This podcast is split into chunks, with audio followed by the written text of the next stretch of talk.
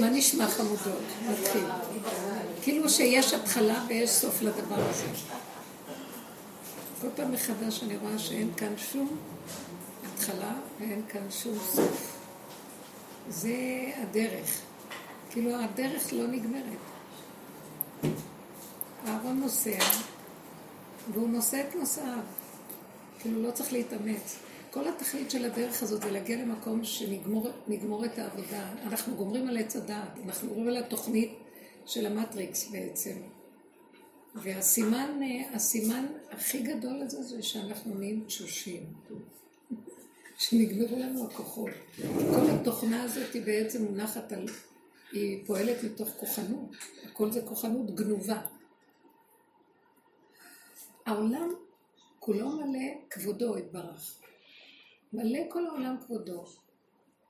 יורדות המצאות מדהימות בתקופות מסוימות של העולם. זה כתוב, ויש מה שנקרא, מתגלגלים העולמות כמו דרך שמתגלגלת. אז עכשיו העולם נמצא במצב של, זה נקרא עולם הגלגלים.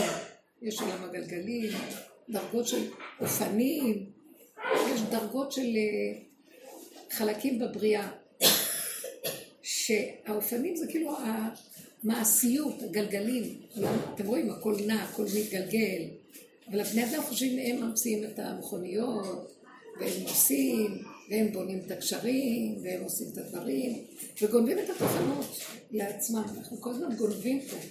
כל הזמן התחושה של האדם של כוחי ועוצם ידי, זה, זה הליבה של תוכנת עץ הדת. כאשר בעצם ממנו הכל קורה, והאדם הוא רק כלי שדרכו זה עובר. הגניבה הזאת, זה החקיינות של עץ הדת. זה, זה איזה בובה דמיונית שהיא שולטת בעולם, והגונבת מבורא עולם. ומאיפה היא מקבלת חיות? מזה שהיא משכנעת את הבריות שזה הם. מתלבשת עליהם, נותן להם תחושה של פרטיות, של עצמיות, של עצמאות. ומשם כל הצרות. כי אם העצמאי הזה או העצמאי הזה יש לו משהו סותר, אז זה האגו, אז מתחילות מלחמות, וכל הכדור מלא מלחמות, בכל דרך. מלחמות באינטלקט, מלחמות בהרגשה, מלחמות ביצירה ומלחמות בעשייה. וכל העבודה שלנו זה לזהות. לזהות את המקום הזה. כל פעם, הכלל בעבודה הזאת כל פעם שיש לי התרגשות, התפעלות מול השני, מול העולם. אם זה במחשבה, אם זה בהרגשה, אם זה באיזה עשייה, ההתפעלות, זאת אומרת, המידות מתרגשות. זה יכול להיות כעס, שנאה, נקימה, נטירה, רוגז, זה יכול להיות גם סיפוקים וריגושים וכל מיני אה, אה, אופוריות רגשיות חיוביות. אז שמה אני יודעת שזאת התוכנה. זאת אומרת, באמת באמת, כאשר ירדו לנו האחיזות, תחושות, נהיה כמו משהו שלא נתפס בו כלום, כמו ששמים עליו שמן, דישנת בשמן ראשי, והכל מתחלק, כי לא נתפס, אין זיזים. אז האדם הזה, סימן מובהק אצלו, אין לו כוח, נפלו לו הכוחות. מה זה הכוחות? כוח ההתנגדות. נפל לו כוח ההתנגדות, שימו לב, כמה כוח התנגדות יש באדם. מישהו אמר משהו שלא נראה לך, יש לך התנגדות, לא תגידי אולי, אנחנו לומדים להתאפק ולא מגיבים, אבל כל הזמן ההתבוננות להגיד, אבל תראי איך את מגיבה, למה את מגיבה? אה, זאת הנקודה. אז מתחילים לשרש אחר הכוחנות שבתוכנו.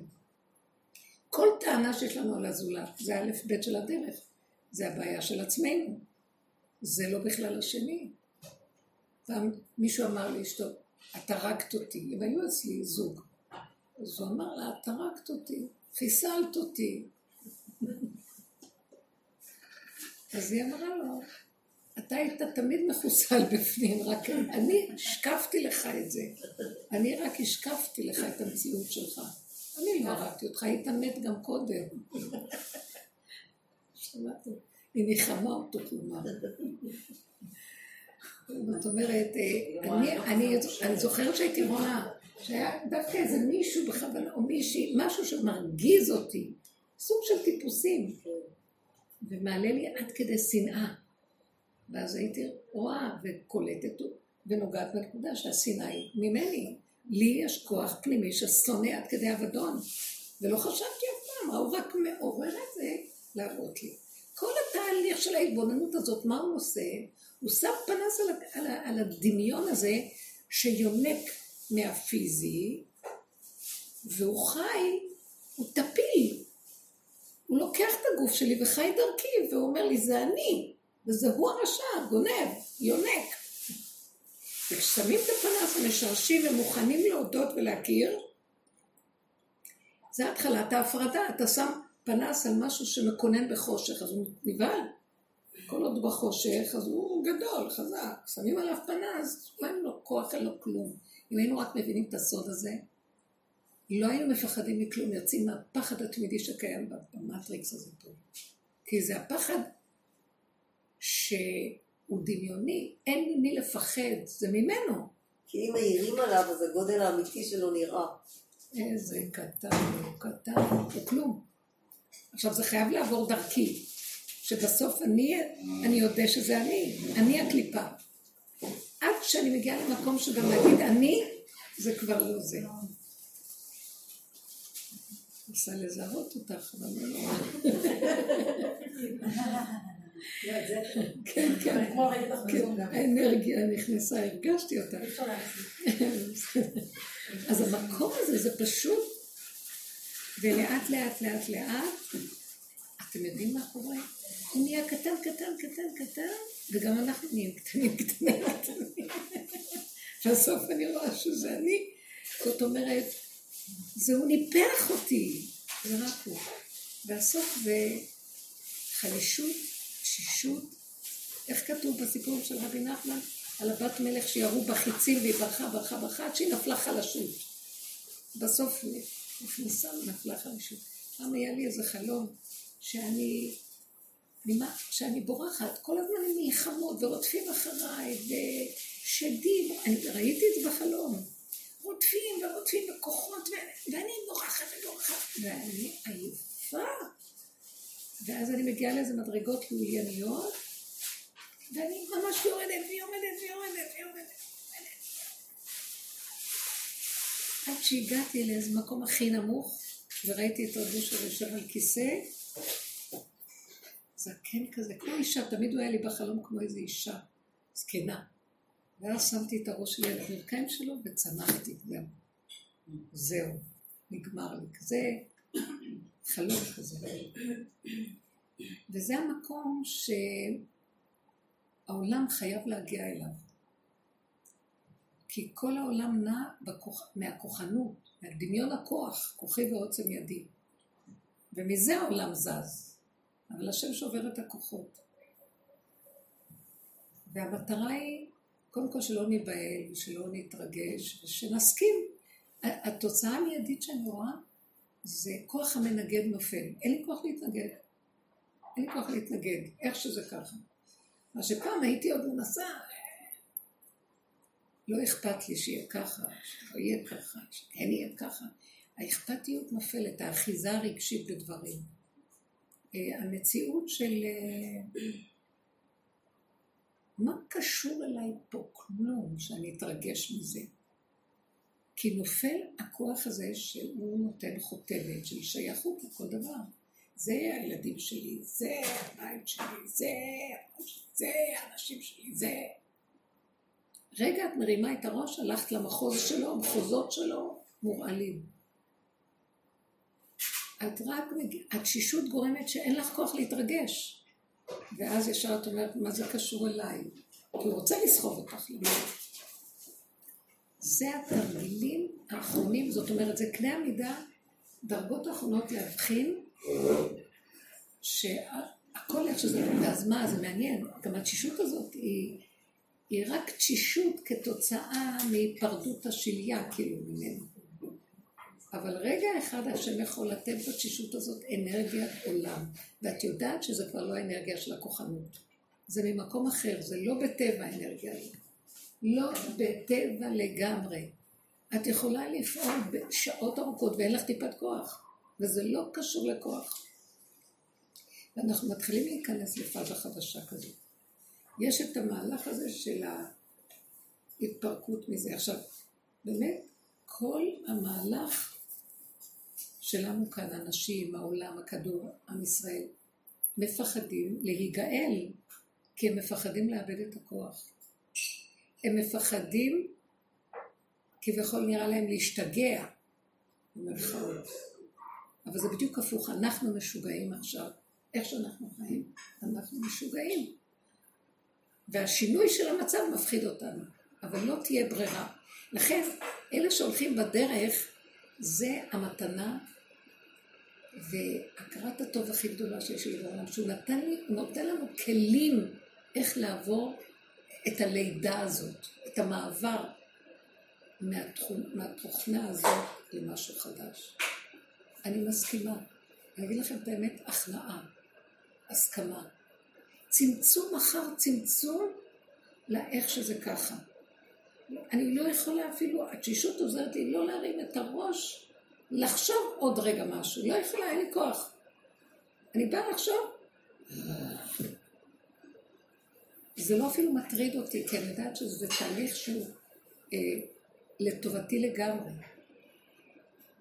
הפחד של העולם במקום כזה, מה, לאבד כוח, לאבד, אה, מה, מי יטפל בי, מי יעשה, כלום, אין מחשבות, אין כלום. להסכים?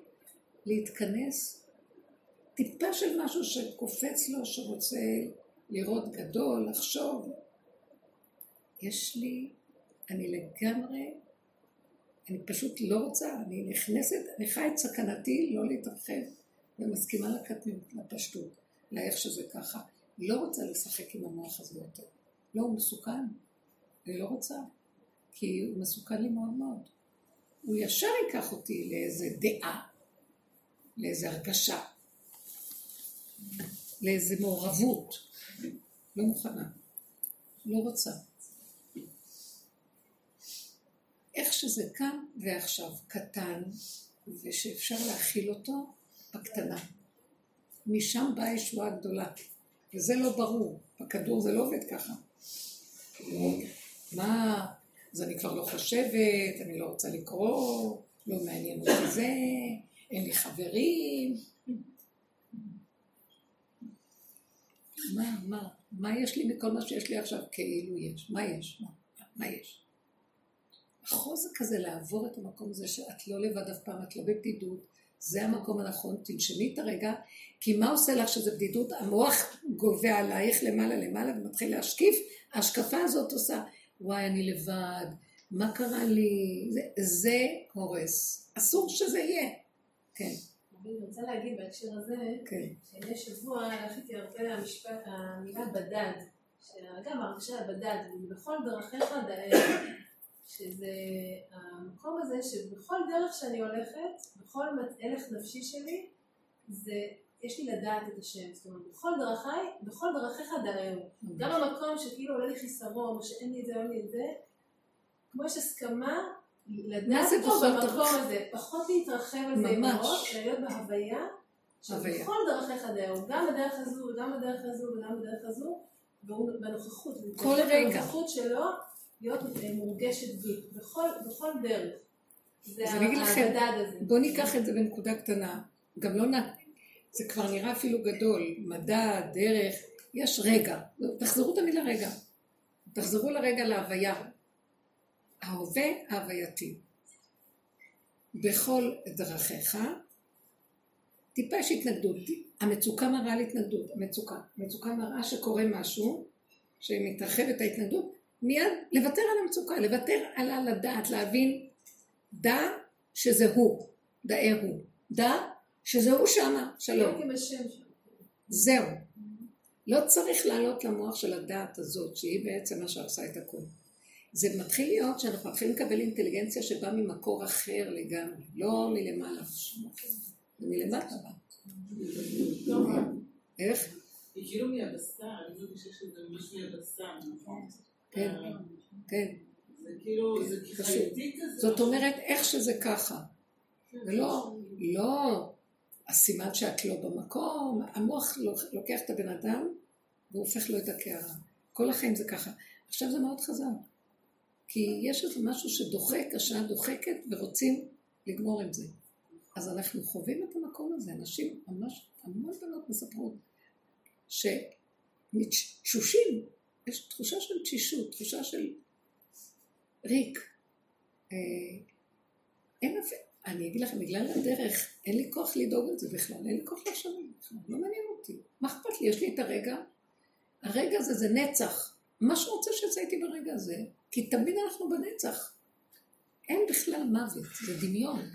זה מעבר קטן של רגע הבא, בפאזה אחרת, זה לא חשוב אפילו. המוח הזה מפחיד, מחליש, אה, מזעזע אותנו. קחו את המילה הזאת ותתחילו לחשוב עליה, אפשר למות מפחד. שום דבר אין.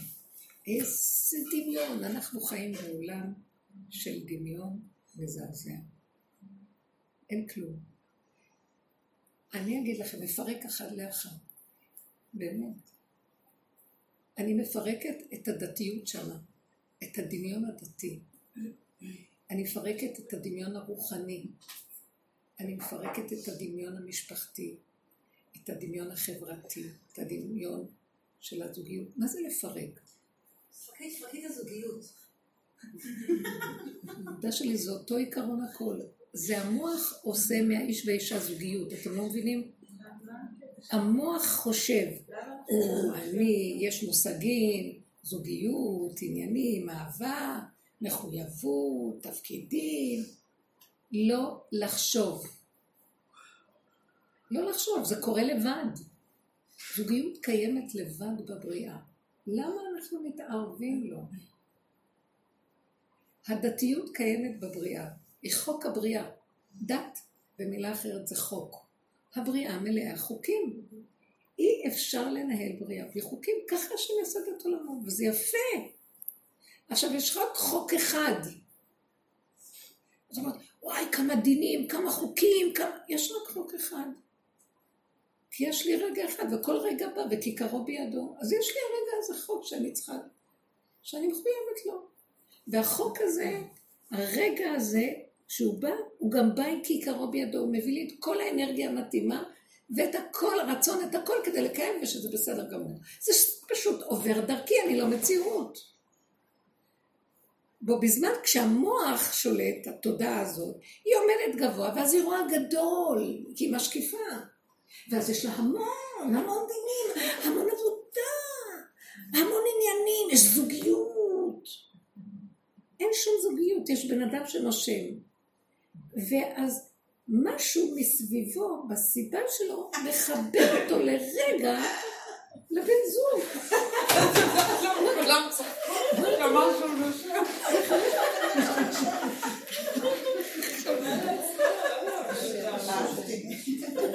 אין זוגיות בכלל. ככה זה נראה. אדם שלא אבל זה הכי נכון. איזה סיפורי בדיות הוא מספר לנו המוח הזה. גמר עלינו. איך היה צריך להיות, וזה לא בדיוק תואם את מה שהיה צריך, כי יש ספריות והשכלות של הדבר, והבנות והשגות, וזה וזה וזה. לכי כל היום, דבר הכי קטן שמתנגד לזה, הנה המלחמה, היא לך מלחמה, כל היום מלחמות. למי יש כוח להילחם? כי תצא למלחמה, אני לא יכולה אפילו לקרוא את ה... אני אמרתי לכם, מפרקת את הדתיות, כל החיים אני נלחמת. מה זה אני מפרקת את ה... קחו את החמישה חומשי תורה. אני מפרקת אותם! אני, אני אומרת את זה כי זה מרגש אותי. מה זה אני מפרקת אותם? זה סיפורים, זה עניינים, זה מלא פרטים, פרטי פרטי פרטים. תקראו פרשה ותנסו לזכור את הפרטים שלנו. בייחוד אם זה פרשיות של חוקים, משפטים, דינים, או כל מיני אה, בתורת כהנים, בספר ויקרא, כל מה שהכהנים צריכים לעשות, הקרבות וכל המינים למיניהם. מי יכול לזכור נכרחים? אתם יודעים משהו? יש רק מילה אחת. תפרקו אותה לרסיסים. זה מדהים. קחו את הדמויות, תפרקו אותם. מה זה, מה זה אברהם אבינו? מי זה משה רבנו? מי זאת שרה אימנו?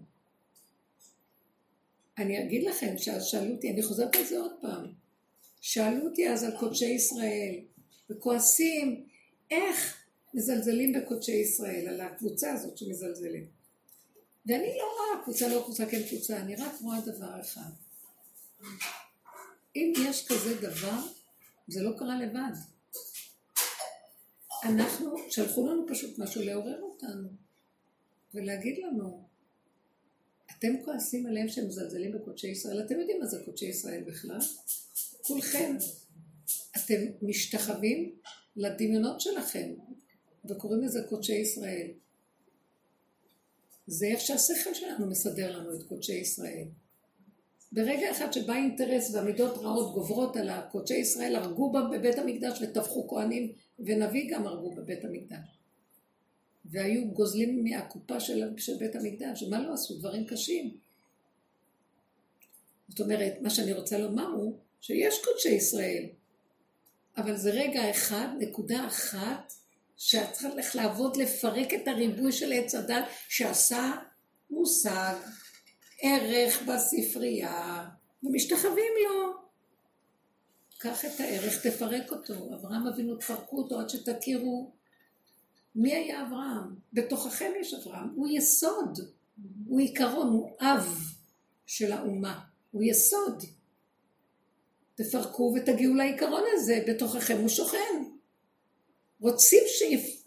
רוצים שיפ... מאיתנו שנפרק, זה מה שעשינו בדרך הזאת. שנפרק ונפרק ונפרק ונפרק. בגמרא כל הזמן מפרקים, ולומדים על כל דבר. היה את הסיפור ההוא על התנא הזה, הרב כהנא, שהיה בשעת uh, מעשה עם אשתו, קיום מצווה, והתלמיד שלו שכב מתחת למיטה. וכשהוא התלהב, אז הוא התחיל, הוא התחיל מתחת למיטה להגיד לו, רבנו, אתה אבל אה, אמרת לנו כך וכך שלא שורפים את התבשיל, לא יודעת מה, הוא דיבר בלשון נקייה. אז הרב צועק, מה אתה עושה שם? תצא משם, זה לא דרך ארץ. אז הוא אמר לו, תראה, זה תורה ואני בא ללמוד אותה. אני באתי ללמוד תורה, אתה הרבי שלי. כל, בכל דרך אחד היום. יש כל מיני סיפורים בגמרא. שמפרקים. זאת אומרת? בצורה מכובדת, לא הכוונה לפרק כדי לזלזל חלילה, או אה, ליצנות, חס ושלום, בשביל שהתלמיד רוצה להבין מה היסוד פה, עד כדי כך שהגמרא תספר כזה סיפור. מה היסוד של אברהם אבינו? אני חוזרת על דברים שאמרתי אותם כבר בשיעור קודם, אבל לא פה, במקומכם. שרב אושר היה מפרש את אה, אברהם אבינו כשהלך לעקדה. ניסיון העשירי. איזה ניסיונות הוא עבר בחיים. בהתחלה היה מתלהב, נלחם, נאבק, עד שהגיע למקום ש... עכשיו צריך להבין. רבו שם היה אומר, הוא הלך לשחוט את הבן שלו. כל כך פשוט לשחוט את הבן היחיד אחרי כל כך הרבה שנים. מאה שנה הוא לא חשב, הוא אמר, אני לא יכול להכיל את זה. אני, אני לא יכול, חלש. לא יכול להכיל את זה. שרה תדע, תהרוג אותי.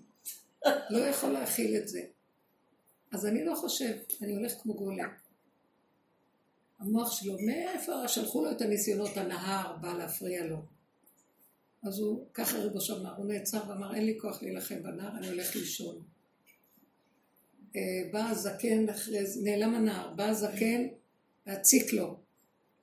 אמר, אין לי כוח לעמוד ולדבר איתו, אני אין לי כוח. זהו, אני סוגר עיניים, הולך לישון.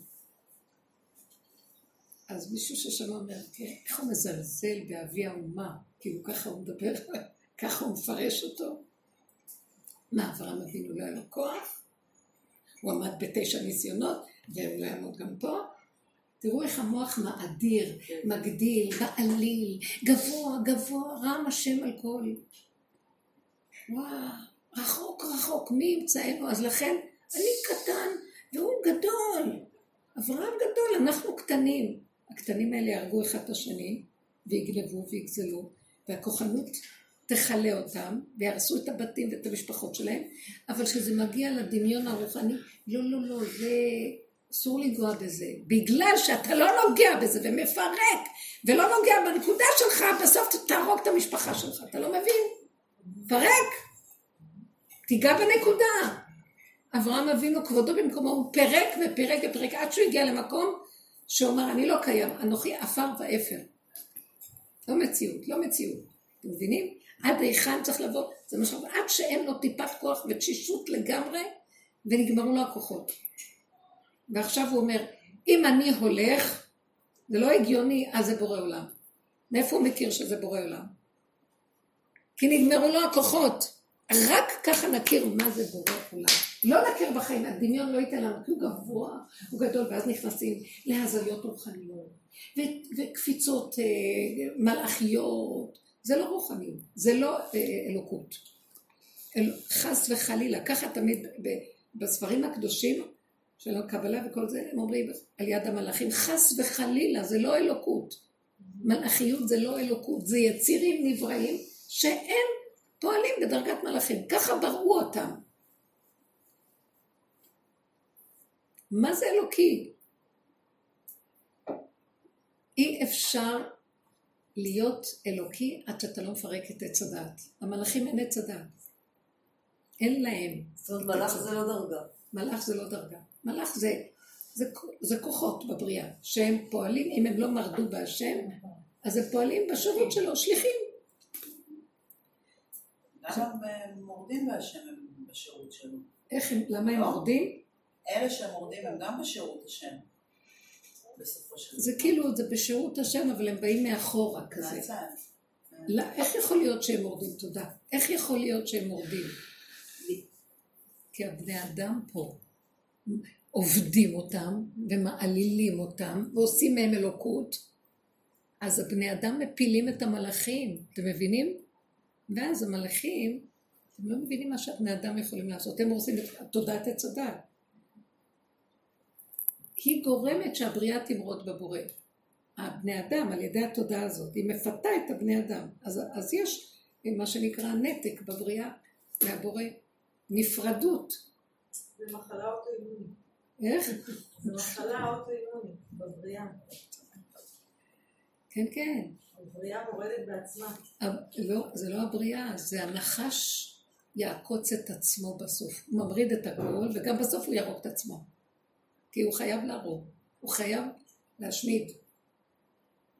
ואני ראיתי שאני הסכנה הכי גדולה שמתהלכת בעולם עלי אדמות. אחר כך ראיתי שזה לא אני, זה מולבש עליי משהו. כי כמה אני אעבוד, רבאק, כמה אני אעבוד שזה לא נגמר. אז הבנתי שזה משהו שמלבישים. ואז צעקתי, תוציא לי את הכובע הזה. אני לא יכולה, הוציאה ממסגר נפשי. ואז החוכמה שבאה זה, אל תקחי אותו ברצינות, אל תתני לו ממשות, אל תילחמי איתו, את נותנת לו כוח להיות, הוא יונק ממך על ידי המלחמה. הוא קוף אחר בן אדם. אין לו חיות משלו, פגר מובס, דמיון, עץ הדמיון. אין לכם מושג, זה בסוף זה רק לצחוק. להסכים לעצמך הכל, שבכל מכל כל. פעם בא, בא, בא מישהו לרב אושר, מה זה בבכיות נוראיות? שהוא נפל באיזה עבירה נוראית.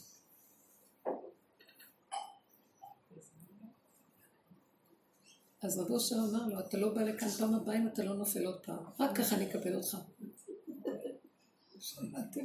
זה לא נשמע הדבר הזה. אליי באים רק עם הפגם והנפילה. רק שם. עכשיו, אבל בלי השיוורון שלך, השיוורון מפריע לי. תשלים, תקבל, תצחק. בלי השיוורון. איזה רבי ידבר ככה? אני אוהבת אותך רבי אושר, תודה. אני לא יודעת איך להגיד תודה. זה משיח, זה הבחינה של משיח. לפרק את כל החרדה, את הפחד, את האימה, את ה... לקיים מה שצריך. אם לא יכולים, כי הבן אדם מרגיש שנטלו את כוחותיו, כי הוא עשה את הכל, נלחם את כל המלחמות, נגמרה לו המלחמה ועוד פעם נפל. אז הוא צריך לצחוק, כי זה לא הוא, כי זה ככה. זה לא שלו כלום. נגמר לו המוח שמקטלג ומסדר ומסדר. אז לפרק, מה הכוונה לפרק את התורה הזאת? רק עבודת המידות שעשינו, בדרגות הכי למטה, רק המידות יפרקו את הדעת. שורש הדעת זה במידות. שורש התורה היא במידות. רק לפרק דרך הכרת המידות, התגובות, גירוי תגובה, המידתיות שלנו. זה לא לעבוד על הספרייה, לא לעבוד על הספרייה. חכמים עבדו, פירקו, עשו. יש לנו שם איזה, עזרו לנפות את הסבך הנוראי הזה של היער במוח. אבל בכל אופן עדיין נשאר שם הנחש. ברגע אחד הוא יכול להשתחל לתוך הטוב של עץ הדת ולגנוב לעילא ולעילא שאי אפשר לתאר. אז אין לנו מה לעשות, רק לרדת לבסיס ורק להתחיל לראות שזה אין לי מה להילחם עם השני, המלחמה היא רק עם עצמי. וגם עם עצמי בסוף נגמרת לי המלחמה, כי אין עצמי בכלל, אין לי כוח. כי אני נותנת לו כוח על ידי זה. נגמר. או שאני יוצאת עליו בצעקה וגוערת כמו, וכאילו לא קיים, הוא לא קיים. או שבכלל לא מגיבה, לא שום דבר. צוחקת, הצחוק זה הדבר הכי גדול שיש. צוחקת. וזהו, ונשארים תשושים. התשישות הזאת היא הכרטיס כניסה לעולם חדש. הרפאיה, הרפאות הוא. זה הלידה, זה תהליך הלידה, הרפאיה, אי אפשר, אין מה לעשות. אין, אין. וככה זה וזהו, זה עין מתגלה. העולם, העולם עובר בתהליכים האלה עכשיו. ונחזור ונגיד, אם אנחנו לא מפרקים, מה זאת אומרת לפרק את התורה? התורה היא בסיס הקיומי של כל הבריאה, היא תוכנית הבריאה. אבל התלבש עליה כל כך הרבה דמיון וסיפורים, כתוב את זה, שברגע שנשברו הלוחות הראשונים, אז האותיות התפרקו והתלבשו בכל הסיפורים. התרחבו, צריך להבין את זה. עכשיו, אנחנו לומדים את תורת הרחבות, ומתקבע לנו במוח, במוח דמויות, סיפורים, עניינים, עוד פעם ועוד פעם ועוד פעם ועוד. צריך לפרק את זה עד שלא נוכל לסבול לקרוא את התורה איך שהיא ככה. כתוב בספר אה, קהלת רבה, פרק י"א או י"ח, י"א נראה לי, שתורת העולם הזה, תורה שבי, היא כהבל בפני תורתו של משיח. תורתו של משיח היא גרעינית, היא הבסיס, גרעיני, נקי, נקודה לנקודה לנקודה לנקודה. הוא יראה לנו פלאות. והתפרקו הסיפורים, התפרק הכל, יישאר נקודת אמת, שכל רגע בזווית אחרת, לפי הסיבות ולפי המהלכים. זאת תורת אמת. לוחות הראשונים, עשר הדיברות, שקראו אותם מקדימה מאחורה אותו דבר, חרוט על הלוחות משני הכיוונים. השתוו הצורות, לא היה התנגדות.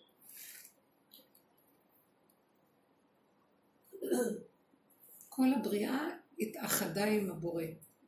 אז עכשיו אנחנו רוצים לחזור למקום הזה. אני, אני, לא, אני לא יכולה לסבול את הפירוד. אין לי, ההתנגדות עושה פירוד. ברגע שיש משהו שמתנגד לי ואני לוקחת את זה ברצינות, כבר מתחיל להיות מלחמה. משיח משבית מלחמות. עכשיו הוא נמצא פה. אני ממש מרגישה, אין כוח למלחמות. לא רוצים להילחם. אם זה רוצה לחשוב ככה, עכשיו ככה, זה עושה ככה, זה ככה, מה זה קשור אליי? למה אני צריכה להגיב? שימו לב, אנחנו בחברה, כל הזמן מגיבים, כל הזמן, מה דעתך, מה דעתך, מה דעתך, לא דעתך. איזה דעתי, מה דעתי? מה, למה צריך את דעתנו? ברגע שאומרים, שואלים אותי מה דעתי, עכשיו אני צריכה להקים את עצמי מהמקום כדי לחפש מה דעתי. אני יכולה לפברק דעות, אבל שמה נמצאת, המלחמה נמצאת שם, ושם נמצא הפירוד הנורא. זה לא ייגמר פה בכדור, הכדור הזה נועד למלחמות. אין.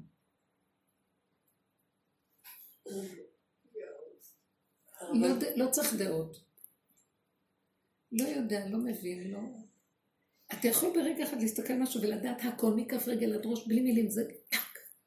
אין דעת יותר טובה מבשרי מזאת. שמערכת על דעות. אז כשהם אמרו לי, מה דעתך על מה שעם הדבר הזה של קודשי ישראל וזה, זה, אנחנו, אנחנו בתודעת עץ הדעת, אנחנו גורמים שיצחקו על קודשי ישראל, כי אנחנו בעצמנו אנחנו משקרים לעצמנו, מדומיינים מה זה קודשי ישראל. משקרים, מרוח הכל חיצוני, בפנים רקוב והכל מרוח קודשי ישראל. תחיו, תחיו מה זה קודשי ישראל. לחיות קודשי ישראל זה אתה ברגע אחד, נקודה אחת של אמת עם הכנעה והכרת בכל דרכיך דאהו הרגע הזה, איך שזה, זה קודשי ישראל להתלבש. היו בתורה, בנביאים, בכתובים, יש דמויות כאלה שהם קודשי ישראל. יש מושגים שנקראו קודשי ישראל, אבל מה שעשינו מהם, שהקדוש ברוך הוא צועק בנביא, מה לי עולותיכם וזבחיכם בכלל? למה קודשי ישראל עולות, קורבנות, מזבח, וכי תבואו לראות פניי, מי ביקש זאת מידיכם רמוס חצריי. תפילה, איזה ערך קודשי ישראל. גם כי תרבו תפילה אינני שומע, בפריסכם כפיכם אליי, אעלים עיניי מכם. עבודת השם, מה הוא אומר להם? לטורח היו לי, נלאיתי מנסות, תפסיקו לבלבל לי את המוח. למה? כי אתם לא באמת. אתם במוח מטיילים, וידיכם מלאו דמים. במציאות של המעשיות של החיים שלכם, אין קשר. אז קודשי ישראל, זה וירטואליות כזאת יפה.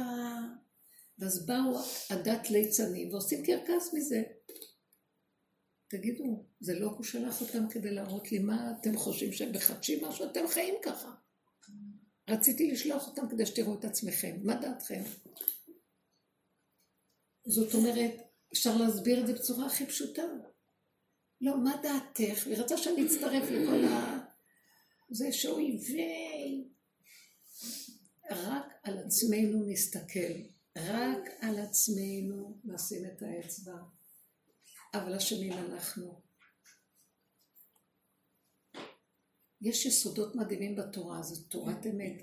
פרשת עגלה ערופה, שהחכמים, שקורה משהו בשכונה שלהם, באזור שלהם, הם לוקחים אחריות, והם אומרים, אז אנחנו צריכים לדעת, זה אנחנו, למה הם לא, הם לא רצחו, הם לא עשו מה, מוצאים איזה חלל, איזה מת שם באזור, והם נבהלים שזה קרה בשטח שלהם. מה זה קשור אליך? כי יש אחריות, אם זה קרה אצלי, יש משהו פה שאני צריך לשאול שאלה למה זה קרה אצלי. האחריות הזאת. כן. הוא ימצא מסקנה, המסקנה הכי גדולה שהיא יכולה לראות. הוא אומר, אבל אשמים אנחנו, כמו שהאחים של יוסף אמרו. מה זאת אומרת אשמים אנחנו? אם אנחנו, זקני העיר, מה שנקרא, אנשים שאיכשהו מנהיגים פה, וכאן מישהו נרצח מהשכונה, אז אנחנו צריכים להבין, אנחנו, או שאנחנו מרחפים, מעלים מים ולא רואים את המצוקות של האנשים ולא חיים עם הזה, אז, אז אל תקראו לעצמכם גדולי ישראל או אה, צדיקי הדור או חשובים. אז הם לקחו אחריות, זה היסוד של המצווה הזאת, יש המון מצוות מדהימות שאם נפרק אותן נראה הכל חוזר אליי. זה לא סיפורים בתורה, זה מה שהתכוונתי לפרק את התורה. זה לא לפרק את התורה הקדושה, זה לפרק את המעטים שלה ולגוע בנקודת האמת שבה. ועל בשרי אין לך תורת אמת יותר גדולה מזה. זה תורת משיח. זה תורת משיח. רבנית, אפשר כן. אולי לשאול, כשאת מדברת אז אני חושבת, מה ההבדל בין פירוק לחורבן? זאת אומרת, איפה, איפה... אה, שאלה נהדרת. שאלה נהדרת. הפירוק מפרק את החורבן. כאשר לא מפרקים נכון. כאשר עץ הדת עושה מלחמות ולא תופס את הנקודה, המלחמה היא במוח, ולא פעם מבשרי, חורבן. כשאנחנו מפרקים עד למבשרי, מתפרק החורבן. אין חורבן. פירקתי את חורבן תשעה באב. אני לא מסוגלת יותר לעבור את הדבר הזה. אני אעבור, אבל הוא עובר עליי.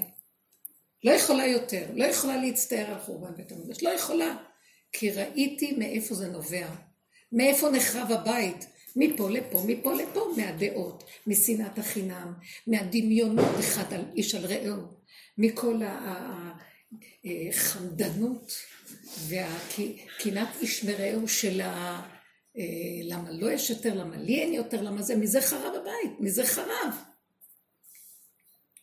אז החורבן הוא כשיש לך מפה לפה ומפה לפה, והמושגים רבים זה עם זה, והדעות והידיעות וההבנות וההשגות, והאגו משתולל ביניהם.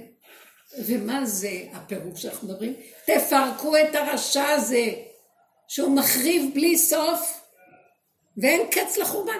כמה עוד ניכנס לתשעה באב הזה?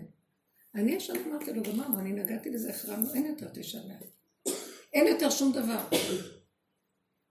אל תספר לי סיפורים יותר. הוא מספר לי, זה מלמעלה מספר לנו סיפורים, חורבן, מתאבל, הוא קונה סיפור. אנחנו שבויים בתוכנית הזאת.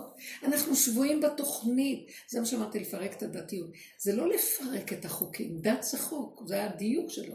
לפרק את הדמיונות ואת ההנהגות ואת כל הזה שנוצרו סביב זה. ואנחנו תקועים שם. והשם יושב ובוכה, הוא מחכה מתי יבוא מישהו ויפרק את זה. זאת אומרת, החורבן זה הדמיון והפירוק זה האמת. ממש. לא, במקום שיפרקו את עצמם עד היסוד, הם מפרקים אחד את השני, זה החורבן. זה רב עם זה, והוא מתקוטט עם זה, והוא שונא את ההוא, וזה אומר לו, לא, זה אתה, ואף אחד לא משכיל לראות שפה יש נקודה. מה החבר ליצים האלה שצוחקים על, זה ישראל? תקשיבו, זה מזעזע שצוחקים על קודשי ישראל. עכשיו אומרת לעצמי, מה אני מזעזע? כאילו, אני עושה מזה, אני מפרקת את זה. מה את משחקת אותה מזדעזעת? את בעצמך את בעצמך מזלזלת בקודשי ישראל, ואלף דוגמאות הבאתי לעצמי באותו רגע. כאשר אני משחקת אותה. כלומר, אה, באמת לאמיתה, את מחכה מתי הצום של תשעה באב, קודשי ישראל, קודש קודשי ישראל, חורבן בית המקדש. מתי יצא כבר הצום? אני כבר מתה לשתות קפה. יש לך זלזול יותר גדול בקודשי ישראל, אתה צריך היית לאבד את ההכרה מרוב חורבן, מרוב צער על החורבן. במיליון דוגמאות אפשר להביא כל מיני דברים. מתי ייבנה בית המקדש? אבל את הורגת את כל האנשים בביתך, סביבך, שוחטת שלוש מימין ושתיים לשמאל כל בוקר. ככה. מה קרה? הנה בית המקדש הפרטי שלך, איך את רואה? לא מקשרים שזה קשור אלינו כלום. כל העבודה הזאת זה לעשות פנימה. תשחטי את עצמך. הנחש הזה שעומד פה, ורב ככה עם אלף ראשים, תעשו ככה, שיעקוץ אותנו, וזה ייגמר סוף סוף. לא, זה איסורים גדולים, הדרך הזאת. כי לראות את עצמי ככה, זה התרסקות הדמיון שלי. וואו. זה לא תקופה קלה, אבל אין תקנה לדבר הזה, זהו זה. אז האמת הזאת מפרקת, וזה נגמר החורבן, נגמר החורבן. עוז וחדווה במקומו. זה הכל סיפורים שהוא מספר לנו. הוא לקח את התורה, וזה מה שהוא עשה, הוא שבר אותה והפריד אותה והגדיל אותה ועשה מדבר אחד מיליון פרטים וקורא לזה קודשי ישראל. יאללה, מספיק כבר עם השקרים. אתם לא מבינים שעד שלא יקום אחד ויבוא ויגלה, אחד, שתיים, עשר, עשרים. רב אושר היה אומר ככה, סיפר לי רבי יקלה קרליץ עליו השם. הוא אמר ככה, אה, על המדרש הזה, כל, כל לילה בחצות הקדוש ברוך הוא קם ומתאבל, ככה מה שנקרא תיקון חצות, ייסדו על זה את התיקון חצות. הוא יושב, חוגר שק ואפר, אפשר לדמיין את זה, סיפור, זה הדמיה, ובוכה, אוי לי על ביתי שחרב, אוי לי שהגליתי את בניי בנאומות, אוי לבנים שגלו משולחן אביהם, ובוכה, וכל הצדיקים איתו בוכו, מצטרפים אליו וכולם בוכים. ורב אושר אומר, למה השם בוכה? הם לא מבינים למה הוא בוכה. הוא אומר, אוי לי, אוי לי, הוא עושה, אוי לי! ומסתכל לראות, אוי לי! ומסתכל לראות שמה? מי יבוא? איזה אחד יבוא ויגיד לו, תפסיק כבר לבכות. תפסיק להאמין לסיפור הזה. איך רבת? היה רגע אחד שהעמדת לכל הסיפור, זה תודעת עץ הדת גונבת האלוקות, והחריבה. אז אתה מחכה לראות מתי יבוא איזה בן אדם ויכיר את זה ויגיד די, תפוס את הנקודה ויעבוד על הנקודה ונגמר הסיפור. שמעתם? ככה רב אשר פירש את זה. ובאמת במדרש כתוב. היא זאתי אה? שגרמה לשם להחריב את בית המקדש? מה, מה? רב אושר אמר שתודעת עץ הדעת היא זאת שגרמה כן. לשם להחריב את אה, בית כן, המקדש? כן, כן. זה, לא שהתודה הזאת אמרה להשם. התודעה הזאת התלבשה וקטרגה ובאה לפני השם, יש מה שנקרא עובדים, בית דינים, בית הדין. אז הוא בא, ועכשיו על פי דין הם צודקים, רצחו כהן ונביא בבית המקדש. אתם לא מבינים מה? שהדם של הנביא התערבב עם דם הקורבנות, תקשיבו. שעשו כל מיני דברים מזעזעים. אז הוא שומע את המקטרג אומר, מה, כך וכך, כך וכך וכך וכך. היה צריך לקום אחד ולהגיד, לא יכולנו כלום, כי עבדנו וראינו את עצמנו איך שהלכנו.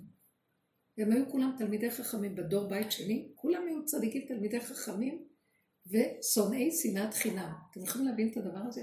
התלבש עליהם המשוגע הזה וכתרים בלי סוף, עד שהם התחילו לשנוא אחד את השני. איזה סכנה זאת. כי עוד לא הייתה אז הידיעה של תסתכל לתוך עצמך. נשארים בראש, וכל הדורות זה היה טק, טק, טק, טק, טק, טק. איזה חוכמה מדהימה. תמשוך את השלטר ותיכנס לתוך הבשר שלך. זה כלום לא בחוץ, זה הכל בתוכך. זה דוד המלך הגיע לזה בסוף, אבל זה לא התורה, התודעה שלו שהוא הגיע, וזה מה שהשם אני אוהב אותו, משיח צדקי, הוא לא השכיל להעביר אותה לעולם בדורו, בשיטה. לכן רב אושר אמר ככה, הוא אמר, שדוד המלך בסוף ימיו אמר, ריבונו שלם, אתה קורא לי משיח צדקי, אני כל כך מודה לך, מה אני צריך לעצמי כלום, כי הוא פירק את עצמו לרסיסים. אני מבקש ממך, כמו שאתה קורא לי ככה, תביא עכשיו כל אחד ואחד מישראל שיגאל ותביא את הגאולה כבר היום בימינו. אז הוא אמר לו, לא, אתה, התפקיד שלך, מעכשיו ועד סוף הדורות, ללמד כל אחד ואחד מישראל מה שאתה עשית, שגם הוא יעשה, שכל אחד יזכה בזכות עצמו. זה רבו שפירש. עכשיו, זה לא כתוב במפרשים, זה לא בצורה. תראו את הפירושים של רבו שלו, הוא תמיד עשה... הוא השיב אל הלב. כל תודעת עץ הדעת זה וידעת, ידיעה, זה כל הכוח שלו בווירטואליות של הדעת. משמע, אף אחד לא מצליח להבין מה זה הדעת הזאת. בדעה אחת הולכת דעה אחרת. רגע, את מרגישה שאתה מודיע על קידוש השד על איזה דבר, אחרי רגע את אומרת, מה רציתי להתרגל בכלל? העולם, כמה שיטות הגיעו וכמה עברו, קומוניזם, כל זה, פשיזם, לא יודעת מה היו דורות בכדור הזה, השתגעו אנשים על כל הרעיונות והאידיאולוגיות. ואחרי כמה זמן, הדור של היום, דור נבוב, אין לו חשק לכלום. סיפרה לי רויטל שהייתי ברותם עכשיו, שהם הלכו לחוף הים, קצת עם המשפחה. היה שם אוהל של צעירים, בשעה ארבע הם שמים מוזיקה בקולי קולות שאי אפשר בכלל, ותינוקות ואנשים ישנים מסביב, לא מעניין אותם. מוזיקה משוגעת, שותים, רוקדים, צעירים וצעירות.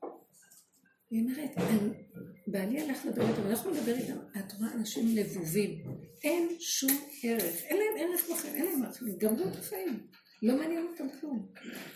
לא מעניין אותם, אין עולם. אבל זה בכל הקבוצות, זאת אומרת, בעצם בכל הקבוצות יש איזה מין אה, דבר... זילותא של ערכים כביכול, הכל מתפרק. בכל הקבוצות, אז אני זה לא חורבן כל הדבר הזה. כן, בטח שזה נקרא חורבן, למה? כי הם לא עובדים בתוך עצמם. כן. אה, מתפרק העץ הדת ממילא, כי אנחנו עובדים, אלה שעובדים עובדים ומתפרק, מתגלה במערומות שהוא כלום והוא דמיון. אבל מי שלא השכיל לעשות את העבודה ולהפנים אותה, אז הוא נחרב לו ואין לו שום ערך אחר במקום. זה שעה קשה. זה שעה קשה. צעירים וצעירות, זה אלה שנאנסו שתי בנות, לא יודעת מה שצריך. שתי בנות יוצאות לכבוש את העולם. לא חי את הסכנה של הכדור הזה בכלל. לא יודעת. זה... למה לא ללמד ילדים את הערך של העבודה? למה לא ללמד ילדים? אימא צריכה להיות חזקה. מה היא צריכה לעשות? ילדים משגעים אותה, אימא, שענן לי. אז אלה שעובדות בדרך. אחת סיפרה לי, נותנת את העין שלה בבן הזה, אומרת לו, עצל ריק ופוחז שכמוך. כל מה שיכולתי לתת לך נתתי. מה עשית עם עצמך? אל תוסיף לדבר אליי בדבר הזה. אז את לא מרשה לי להסתכל במחשב, אז את סגרת לי את הזה, אז היא אומרת לו. משפטים אצל כולם. אז מה היא אומרת לו? לא, מחשב לא. אז אין לי מה לעשות. זה לא מעניין אותי, תמצא מה לעשות. אבל היא חזקה, היא אומרת לו, זה לא קשור אליי. זה לא. לך תעשה משהו, תחפור באדמה, תשבור שם כמה אבנים, תעשה דברים. אל תבוא אליי בטענה שמשלם לך. כאילו, היא לא נותנת להם, היא חזקה איתם, והיא לא נותנת להם את המקום הזה של הילד. ואני מכירה את המשפחה הזאת. מישהי מהדרך, מדהימה. הם מכבדים אותה ביותר. ילדים מכבדים אותה. לא, היא הולכת עם האמת עד הסוף. זה שזה לא, זה לא אומר שאתה מסכן. תחפש מה לעשות. תסדרי לי, אני לא אסדר לך, אתה תסדר לעצמך, זה לא מעניין אותי, אתה צריך לסדר לעצמך, ומחשב לא יהיה. איך אנחנו באים? טוב, אם לא זה, אז תתני לו את זה, אז אם לא את זה, אז תסדרי לו את זה, תספקו לו את זה, תעשו לו את זה. קדימה עלינו כולכם. למה שלא מקטן להפעיל אותם? שיסתכלו על עצמם. שיצעקו לאלוקים. שיעזור להם. מה זה? מה זה הפילוג של הדור הזה? גדלים ריקניים ומייללים, וכל טוב שבעולם, מה שאנחנו להם, לא נזכר להם במחשבה, בלי הכרת הטוב בכלל.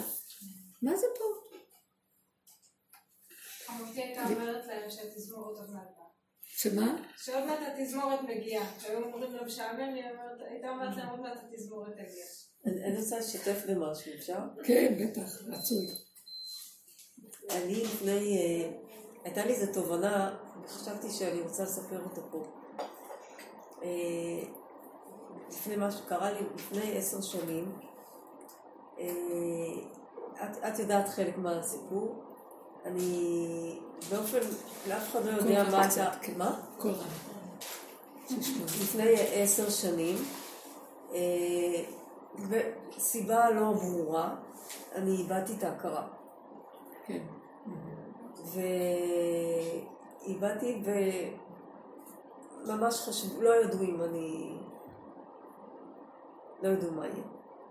בכל אופן, אה, כמו שהלכתי, חזרתי, הייתי מספר שעות לא מבוטל בלי הכרה. כן. וזהו, אחרי שהתעוררתי בבית חולים, כמובן מלאת צינורות וזה, לא זכרתי מה היה, אבל אה, פתאום, אני, כל פעם אני זוכרת מה היה אחרי, והשבוע ישבתי עם דפנה. כן. וקרה משהו מאוד מאוד חזק, כי אה, אני אמרת, כשאני חזרתי משם, לא היה לי זיכרון לאיזה על התקופה, על מה שהיה. בכלל לא זכרתי, אנשים נכנסו ויצאו ולא זכרתי. מי הם? מי הם. אז, אבל כל היה, היה משפט שכל הזמן אמרתי, היה משפט שכל הזמן אמרתי, אמרתי להם ככה, כולכם משקרים לי, כולכם משקרים, מה עשיתי רע?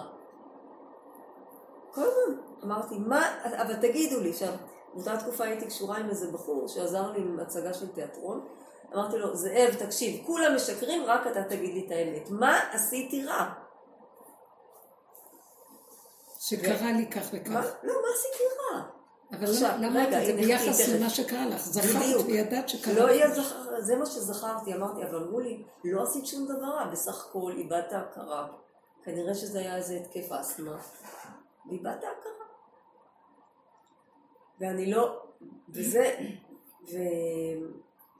ואז באה דפנה עם שאלת הטעם שלה, ואומרת לי, אז תמרי, מה עשית רע? ופתאום הייתה לי הבנה, ש...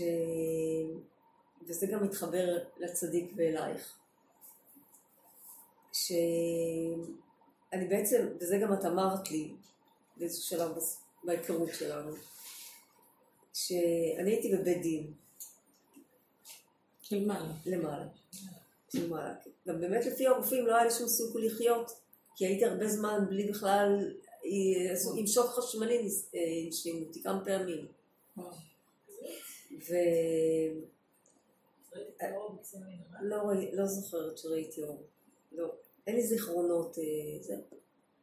בכל אופן, אה, אז אני זוכרת שדיברנו ואני אני, אני הייתי כנראה בבית דין ואמרו, וכשחזרתי לפה אז אמרתי, מה שכנראה זכרתי זה שמישהו אמר לי שעשית משהו רע.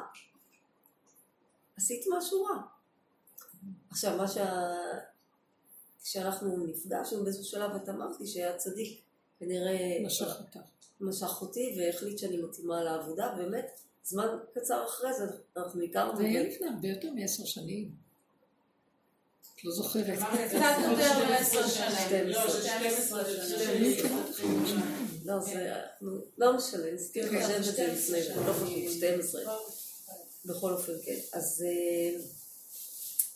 כן, עכשיו כן. פתאום הייתה לי ההבנה אתמול, שהיא שאלה אותי, אז מה עשית רע? אמרתי לה, לא, אף פעם לא שאלתי את עצמי, מה עשיתי רע? אבל מה אמרתי? שפתאום אני הבנתי את הסיטואציה, שמאוד התאימה לי לדרך, וגם הבנתי את ה... שקודם כל באתי בתמימות, ואמרתי קבל עם ועדה, מה עשיתי רע? כאילו, בלי להתבייש, בלי שום דבר, תגידו לי, כנראה עשיתי משהו רע, מה עשיתי רע? זאת אומרת, באתי בפשטות הזאת של התוודות, מה עשיתי רע? בואו, אני לא מסתירה, אני לא מסתירה, מה עשיתי רע? תספרו לי. אני לא עכשיו... אז זה הדבר האחד. והדבר השני, שפתאום הבנתי אותו, ש... וזה התב... התחבר לי עם הדרך וגם עם, ה... עם יום כיפור וכל העבודה שלנו שזה, שבעצם אם אתה בגבוליות שלך ואתה אומר, זה מה שיכולתי לעשות. זה מה שיכולתי לעשות, לא יכולתי לעשות משהו אחר. אז אתה לא עומד בבית דין, ולא אומרים לך שעשית משהו רע. זאת אומרת. זאת אומרת שיש כן, אני אגיד לכם איך רבו שלה מפרש את זה, וזה באמת ככה, לפי הסיפורים שהוא היה מדבר, שכן עולה אדם לבית דין של מעלה, ודנים אותו. עשית ככה, אתה יודע שהתורה אומרת ככה, למה אתה עושה ככה? התורה זה ברור, כל מי שעולה יודע שיש תורה. גם, גם אומות העולם. ברור שיש חוקים של בריאה, אדם לא יכול לעבור אותם בהפקרות, דנים אותו. ואז הם דנים בתי דין של עץ הדעת טוב מפני הרע, כן? כמו שאנחנו רגילים פה, יש תורה, כתוב מה טוב, מה רע. רב אושר היה אומר, כשתגיעו לבית הדין שמה ויתחילו לדון אתכם ולהגיד, אבל עשית ככה ועשית ככה, וזה דברים רעים. אז אתם יכולים להגיד ככה, אלה שבדרך... אנחנו החבר'ה של רב אושר. אה? אנחנו נבוא ונגיד, אני מרב אושר, הולכים אז זה מה שהוא היה אומר, הוא אומר ככה, זה לא צריך להבין מה זה, אני מפרק את ה... שאומר שזה רב אושר. הוא היה אומר, תגידו להם, אתם רואים לעיניים, הבית דין רואה לעיניים, והשם רואה ללבב. קחו אותי לבית דינו של השם, והוא יודע מה אני עברתי עם המאבקים שלי עם הרע. ושהגעתי לגבול ולא יכולתי. אני עשיתי עבודת אמת ולא יכולתי. משהו לא נתן לי להצליח ביכול. יש שם עבודה יותר עמוקה ממה שאתם רואים. קחו אותי לבית דינו של השם. ככה הוא אומר. עכשיו, זה, מי יכול להגיד את זה? מי שנכנס בעבודה. מה זאת אומרת העבודה שלנו? מה שעץ הדת אומר, זה רע, זה זה, זה, זה, עשית, אוי ואבוי, לא, אוי ואבוי, טוב, נעשה תשובה, עושים תשובה, מחרת עוד פעם נופלים. כאילו, עוד פעם ועוד פעם ועוד פעם ועוד פעם, ואין האדם מכיר שהוא לא יכול. כי עץ הדת לא נותן לנו להכיר שאנחנו לא יכולים, כי הוא כל יכול. אז הוא תמיד בתודעה שלו, זה תמיד עם האצבע, ושם מתלבש כל הבית דין וכל התורה של עץ הדת. הלוחות השניים התלבשה שם, אסור לך, האמת שזה נכון, אם כל אחד ילך כאן בהפקרות, זה יהרגו את העולם, יהרסו עולם, אז חייב. אבל אם היינו לוקחים את זה ומכניסים פנימה, המהלך הזה של ההתקפלות פנימה, ראש באדמה, במקום ראש למעלה, שרב עם הראשים שלו, זה משנה את הכל. כי כשהוא מוריד את הראש, הוא אומר, כמה אני אעבוד ואני לא נגמר, כי ברגע שאני נלחם עם היצרה שלי, הוא מקבל כוח נגדי. אני מפיל אותו, הוא מפיל אותי. פעם אני, פעם הוא, פעם הוא, פעם הוא, כפוף ידיים. תשש כוחי, ואני נהיה כבר כאוב שאני לא יכול, והוא מקבל מזה כוח הכוחות, כי מהשיוורון הוא הכי מקבל כוחות. ויש לו עקשנות, כמו הזבוב הזה, אין לו לב, הוא כל הזמן מתעקש, ואני תשוש. ואז אני נשבר, והוא מקבל כוח ומכניע אותי, ונשברתי. עכשיו דנים אותי ואומרים לי, אבל אתה עשית רע, לא התגברת. ולא נזכר לו לאדם הזה, אין לו את הקוד להגיד, מה? נגמרו לי הכוחות, אני לא עשיתי הכל ולא יכולתי, אתם לא מבינים שלא יכולתי? לא, האדם יכול. טוב, קחו אותי לבית דינו של השם. הוא יודע ללבב. הוא ראה את המאבקים הפנימיים שלי, הכל חתום ורשום, ועל ספרך כולם ייכתבון, הכל נמצא שם, קחו אותי אליו. אתם יודעים איזה עומק של עבודה הזאת? אז מה היא אומרת כאן? אז היא יודעת שדנים אותה, ואומרים לה, עשית משהו רע? עשית משהו רע? עשית משהו רע? כן. כשאני, כשהיא אמרה עשית משהו, משהו אצלי צוחק ואומר, מה חדש? מכף רגל עד ראש, כל הזמן אני רק רע. זה מה שרבוש רצה שנגיע ונראה. לא שזה אני רע. זה הלבוש. מה הוא רצה להגיד? התודעה הזאת, אי אפשר לגלות אותה רק על ידי שתראו כמה רע יש, כמה רע יש, כמה... כל היום רק רע. זה יפיל אותה בסוף, בגלל שאין לצאת ממנה, אז אתה צועק, זה לא אני, זה אני תחת איזה מסווה, איזה תוכנה משוגעת, ואז רוצים לברוח וצועקים, הוציאה ממסגר נפשי. תוציא אותי מה... אני שבוי פה, ואני לא יכולה להציל. אין האסיר מתיר עצמו ואת האסורים. שם נשמעת הצעקה שלו, ובאים לסחוב אותו, מתשישים אותו, והוא נגמר מהמאבקים והמלחמות. ואם הוא לא מגלה את זה, אז הוא ממשיך להילחם. וכתוצאה מהמלחמה הזו עוד יותר מתגבר, וככה כל הזמן, אבל עשית רע, ואז דנים אותו, ולא נגמרים הגלגולים, לא נגמרים הגלגולים, כי הוא חייב כל הזמן, טוב, אז תחזור להתגלגל, וזהו, חוזר להתגלגל, לתקן, קלקל פעמיים. אי אפשר לתקן פה. עד שאדם לא יגיע להכרה הזאת, ורק הדרך הזאת מביאה. למה? כי הוא לוקח עליו עבודה בריבוע של הריבוע של האימא של הריבוע. הוא רואה את החורים והסדקים של עצמו ולא מוותר לעצמו. זה גבורה גדולה. זה אדם שמחסל את הסיפור. אז כאילו אומרים לה, אבל את עשית משהו רע. בסוף מה נזכר? לרב אושר, ככה סיפור. אה, מישהי נפטרה מה, מהחברות, אישה מבוגרת, מהחברות של רב אושר, אחרי שהוא נפטר. ואז היא חזרה לבת שלה בחלום, למשפחות שקשורות עם רב אושר, והיא אומרת לה, אני עליתי לבית דין שמה, ואת מי ראיתי שם? ואז אני שומעת, אומרים, הנה הגנב הגיע, הנה הגנב הגיע. רב אושר מטייל בבתי הדינים וגונב להם את הנפשות, הנה הסיפור שלך, בגלל זה אמרתי לך את זה אז. גונב את הנפשות, הוא אומר, תנו לי אותו, זה שייך לי. דוסיס מים, זה שלי, תנו לי אותו, אני אסדר אותו. אני יודע מה הוא עשה, אני יודע את העבודה שהוא עושה. הוא שייך לי. וכל אחד מוכן לקבל את העבודה הזאת, זה עבודת מוות, מחץ. תנו לי אותו, הוא שייך לי, אני יודע מה הוא עובד. זאת אומרת, הוא אומר, נכון, הוא עושה רע, אבל אתם יודעים מה הוא עובד על הרע הזה? אתם יודעים, זה דוד המלך. כמה הוא עבד על עצמו. הוא ביסודו היה בחינת משיח בן יוסף, צדיק ששונא את הרע, משנאיך השם אשנא, ובמתקוממיך את קוטה. תכלית שנאה שנאתים לאויבים היו לי. כל היום נלחם עם הרע. הורג במכת חרב אחת שלא הרג שמונה מאות איש, ובכה למה לא הרג אלף. כך כתוב בגמרא. עד שהשם אמר לו, הוא הראה לו, מה שהוא לא יעשה, לא ילך לו. הוא הכשיל אותו בכוונה. הוא מנסה לעשות משהו, לא מצליח לו, לא מצליח לו, לא מצליח לו, לא מצליח לו. עד שהוא אומר, אני לא מבין, למה? מה עשיתי לך? מה? מה? מה? השם אומר לו, ממך אני רוצה משהו אחר. כולם איכשהו יפתחו להם פתחים וייתנו להם להצליח. רחמו עליהם. עליך אני לא מרחים. אתה תפרק את תודעת עץ הדת, תפרק את הנחש של האדם הראשון. אתה נשמת אדם הראשון, 70 שנה מאדם הראשון הוא קיבל חיים. 70 שנה שנתן לו אדם הראשון, אדם הראשון צריך לחיות. אלף שנה הוא חי 930 שנה. פחות 70 שנה, את זה הוא נתן לדוד המלך, שהוא ראה את הנשמה שלו, שהייתה צריכה להיות נפל. נפל, הנה. נפל זה נשמה שלא הולך לו כלום בחיים. נפול, נולד נפל וממשיך נפל. הוא חי כאילו, אה, במקרה הוא חי. כי לא הולך לו כלום. עכשיו אני מגזימה את זה, ותראו, אתם, אתם יודעים שאנחנו יושבים בתודעת עץ הדת והוא צובע לנו את החיים, איזה חיים, לא חיים, כן. אנחנו מתים מהלכים, לא חיים בכלל. לא חיים, אני מבטיחה לכם, שרגע אחד המסווה הזה רגע יפול, אפשר להשתגע מזה, לכן מעט מעט אגרשנו מפניך. אנחנו לא חיים, מתים מהלכים, וחושבים שחיים, כי הוא מסמא את עינינו עם כל התפאורות שלו. ובן אדם שמתחיל להכיר את זה, דוד המלך אמר, תודה, טוב לי כי הונאתי למען אלמד חוקיך, טוב שנפלתי, טוב שהפלת אותי, כי למדתי להגיד, במי אתה נלחם? ויש פרק שאומר, אוי לי כי גרתי משך, שכנתי עם עולה קדר. רבת שכנה לנפשי עם שונא שלום.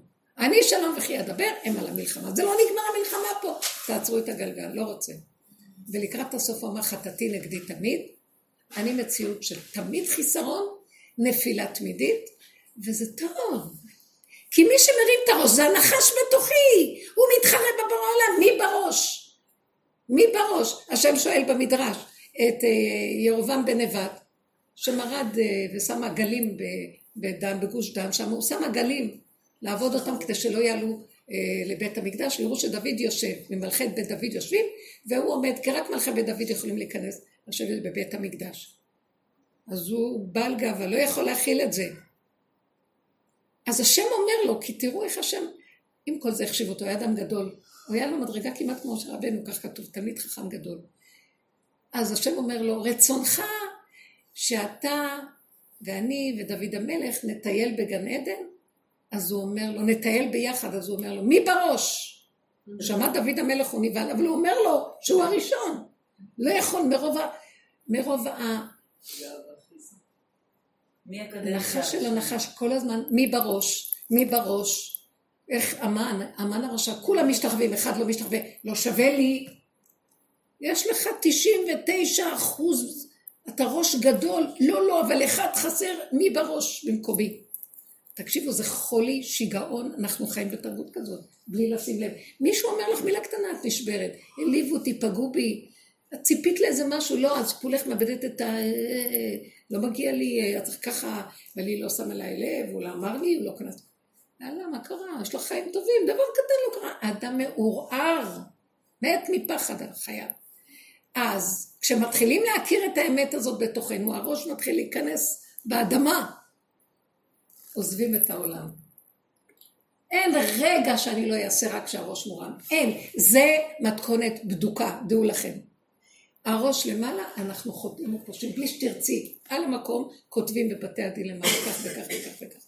העלבת מישהו, פגעת, נגעת בדבר שלא שלך, אה, אה, ראית איזה מישהו אה, נפול ולא שמת לב אליו, איך אמרת, התאכזרת, אלף דברים, מצוות. את לא שמה לב אפילו. אכלת איזה פרי ולא שמת לב, הייתה שם תולעת. אני פתחתי איזה, איזה תמר.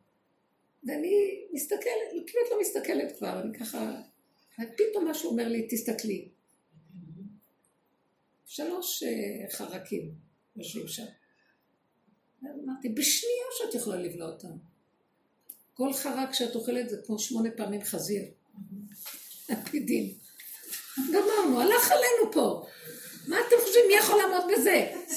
מי יקום ויפרק ויגיד, רבי שמעון אמר, אני יכול לפתור את כל העולם מן הדין. מי יכול לעמוד בזה? הדת עלובים. אז מי, מי זה שיפתור את הדין? רבי שמעון נכנס למערה, מת, התרכב עם האדמה, כולו חורים חורים, התקלל בתוהו, נגמר לו הישות, הוא אמר חבר'ה, אי אפשר לדון את האדם הזה. הוא יצא אחרי 12 שנה והוא דן בני אדם, החזירו אותו, אמרו לו תחזור. מה אתה דן אותם? אתה חושב שאתה יכול? עד שלא יצא מקופל. זהו. אין לדון, אין לשפוט, אין לקטרג. על השני לא דיברנו כבר, די, נגמר השני. על עצמי! אוי ואבוי לך. את מקטרגת על עצמך. אין להגיד דבר. המוח הזה יניח לך, כל רגע הוא קופץ לך. דן שופט, מבקר, מקטרג, מחשבן, מה לא? ראש באדמה, תשישות זה טוב. לא מצאתי פתרון יותר טוב, לא לחתור רק התשישות. רבו לנו משקה מתאביס מקשקה, אין לי כוח לפנות תביאו לאכול. כל רגע מחפשת לנוח, קורסה לנוח, לאכול, לשתות. מי יכול להזיק לך? לא. לחשוב על מישהו זה מאמץ מאוד גדול בכלל. טיפת התנגדות באה אליי, אני אומרת, לא, לא, לא, לא, אין לי כוח לכבוש שום מלחמות. עוד צריך, לא הם ולא שכרם. לא מדרגות, מוותרת על מדרגות, מברכת על דרגות, מוותרת על זה. שקט, שלווה, נשימה, אין עולם בכלל. שלווה, אמת, מתגלה שם אלוקות, אלוקות מתגלה. נגמר תודעת עץ הדת מתה. אתם לא מבינים שזה החיים שלנו כאן קשים?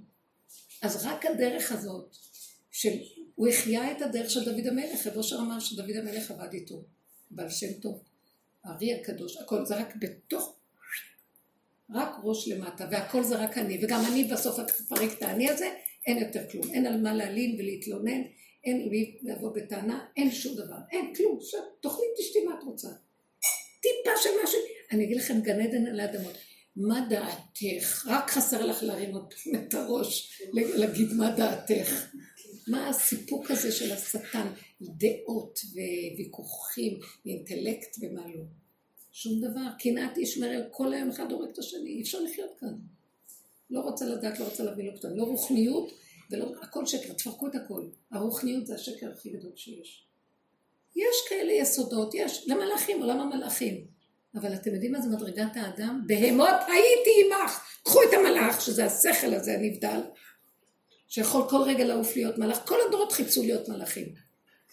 גלינו מארצנו, והיינו באומות העולם, אומות העולם, זה הגלות הנוראה. שהם סוגדים למלאכים ולאורות ולגבות, הם אוהבים, אוהבים את הגבוה, הם רוחניים אומות העולם. אבל עם ישראל אשר אומר, לא רוצה רוחניות, לא רוצה כלום, רוצה אמת, אמת, אמת. אין בעולם אמת, בעולם העולם אין אמת, באומות העולם.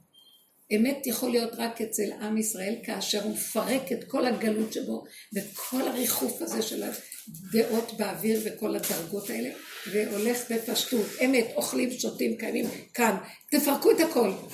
אני מרגישה שהדרך הזאת נתנה לי ציווי. תפרקי, תפרקי ותפרקי. תפרקי את הגלות. תפרקי את התורה איך שנראית.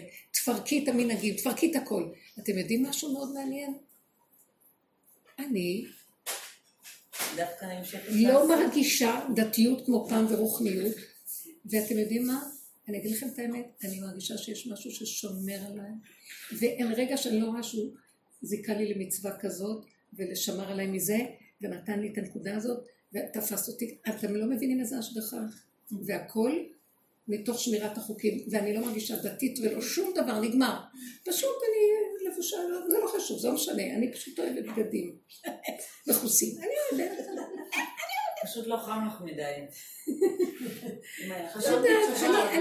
אני מרגישה שזה טוב. התקלפת, ואז ההתבוננות נראה יותר. ההתבוננות הזאת פירקה את ההבלים של הרוחניות, של מה שאנחנו עושים מהאמת, חוקים אמיתיים, הכרת השגחה פרטי פרטית, כל נשימה ונשימה. אני מבטיחה לכם, בורא עולם הוא חילוני. עכשיו תקשיבו רגע, יש איזה, אבל לא חילוני, המושגים שלנו מבולבלים, המושגים שלנו מבולבלים. זה קדוש, זה קדוש, אתם יודעים מה זה קדוש? פרוש מתודעת עץ הדת, זה קדוש.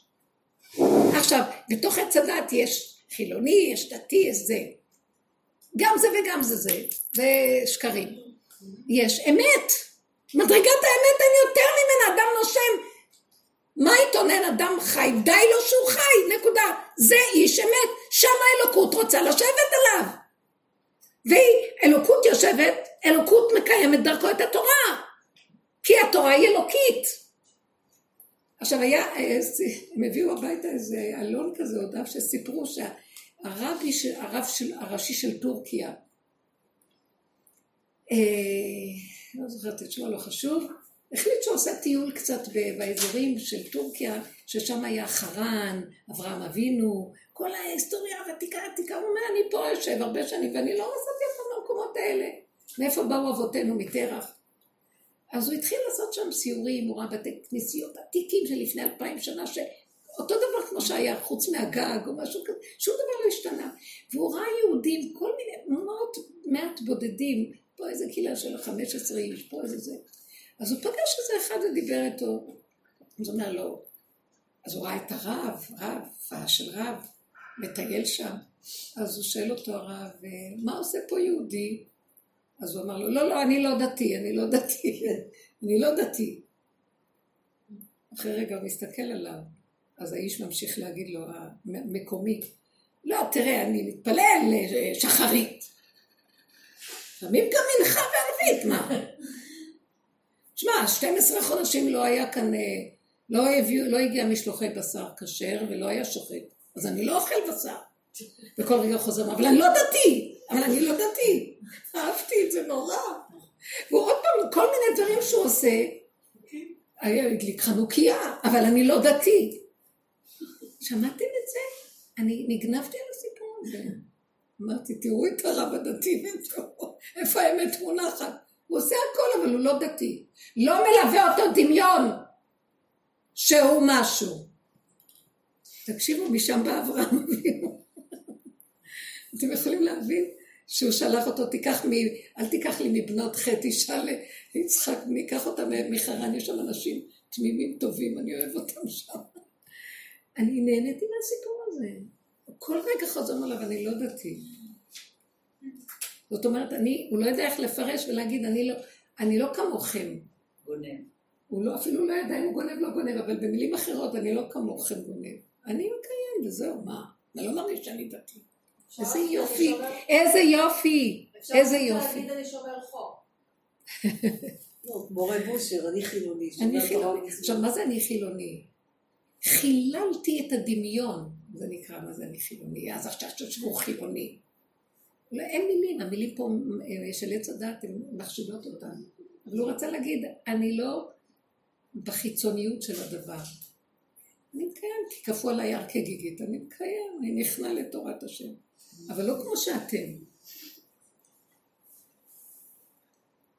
זה יפה. אין כמו האמת. זו מדרגת המדרגות.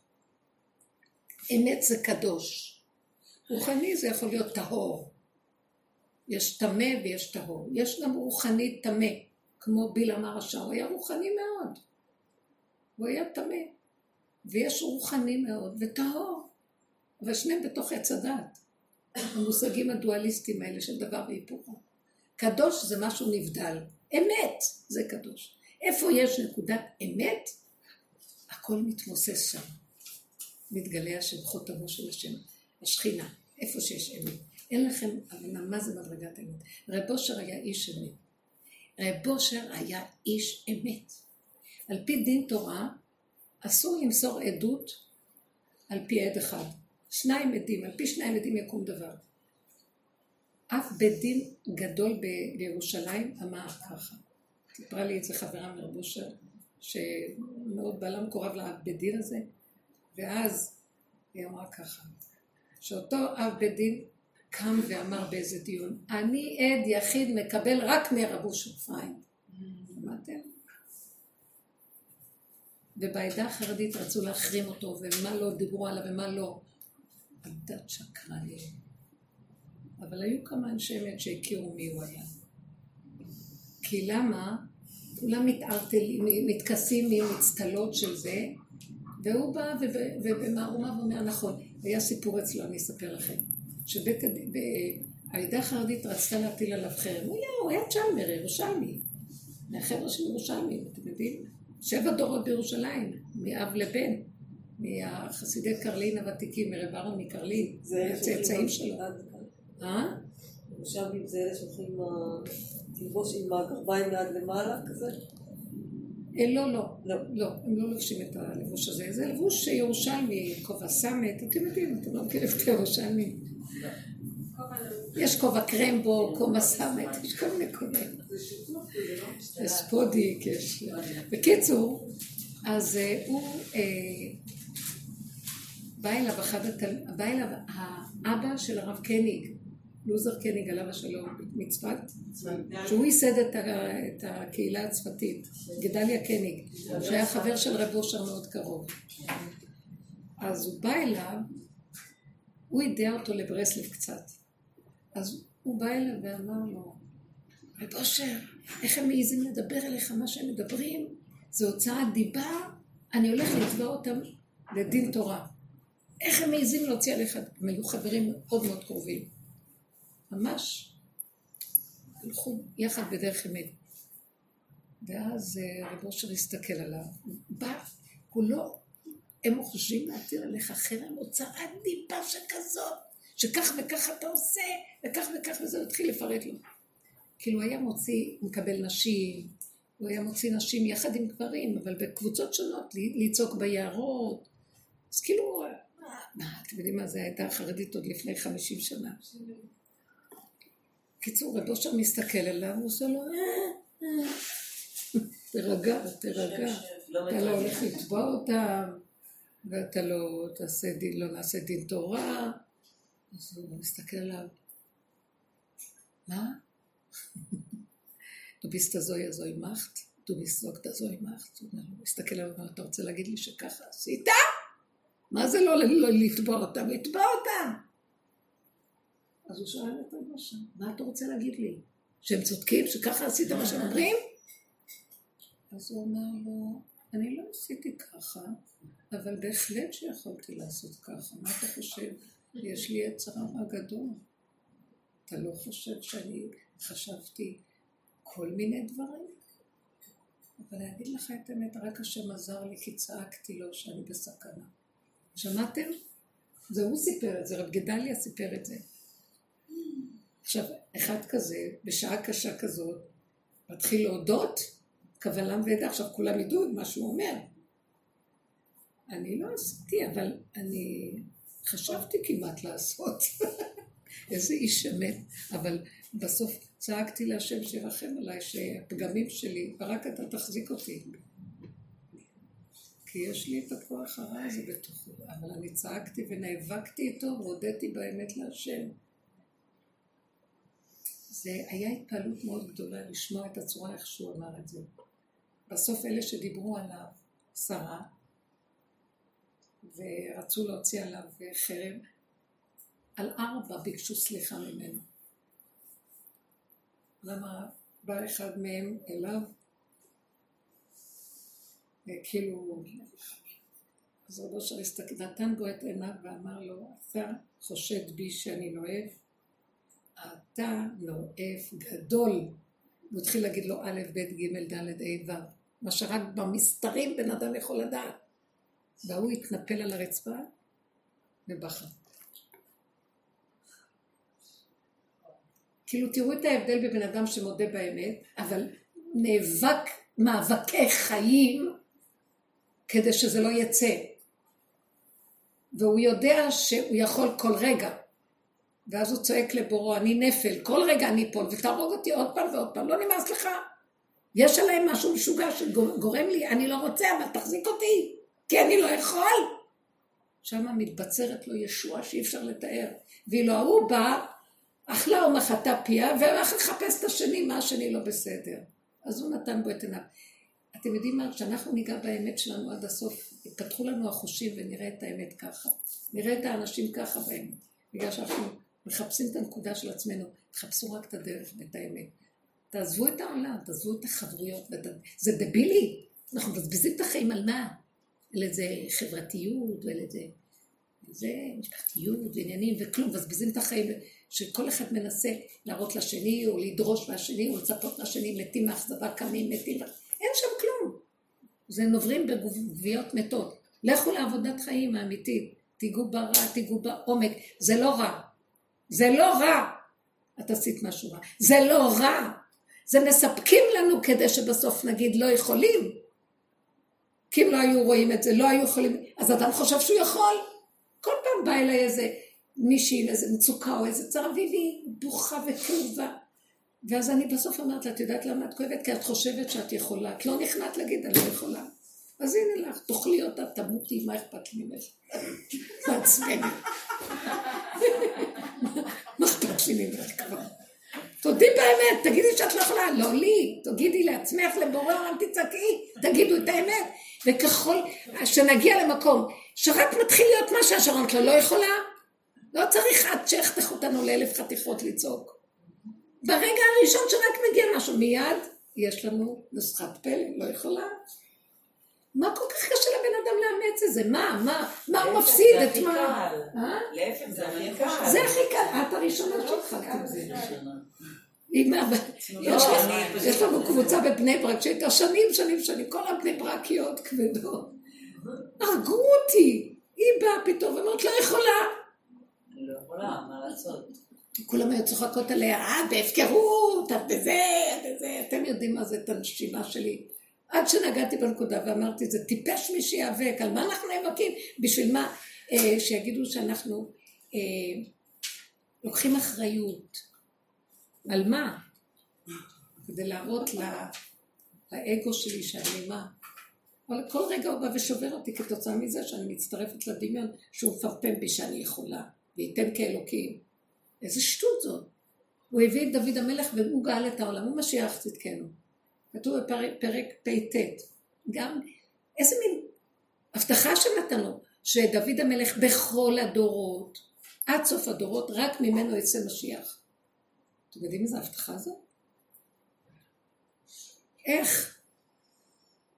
גם אם בניו יעברו עבירות מהתורה, וגם אם יעשו דברים הכי גרועים, אני, אני, אני אכה בהם, אני אתן להם עונשים אבל אני לא אפר את בריתי ואת הבטחתי, שממנו יצא בית דוד. למה? כי דוד המלך הוריד ראש באדמה ואמר אני לא יכול. בשלמות מוחלטת, חטאתי נגדי תמיד לא יכול. צחק כבר, עשה פורים, מכיפורים הוא עשה פורים, זהו.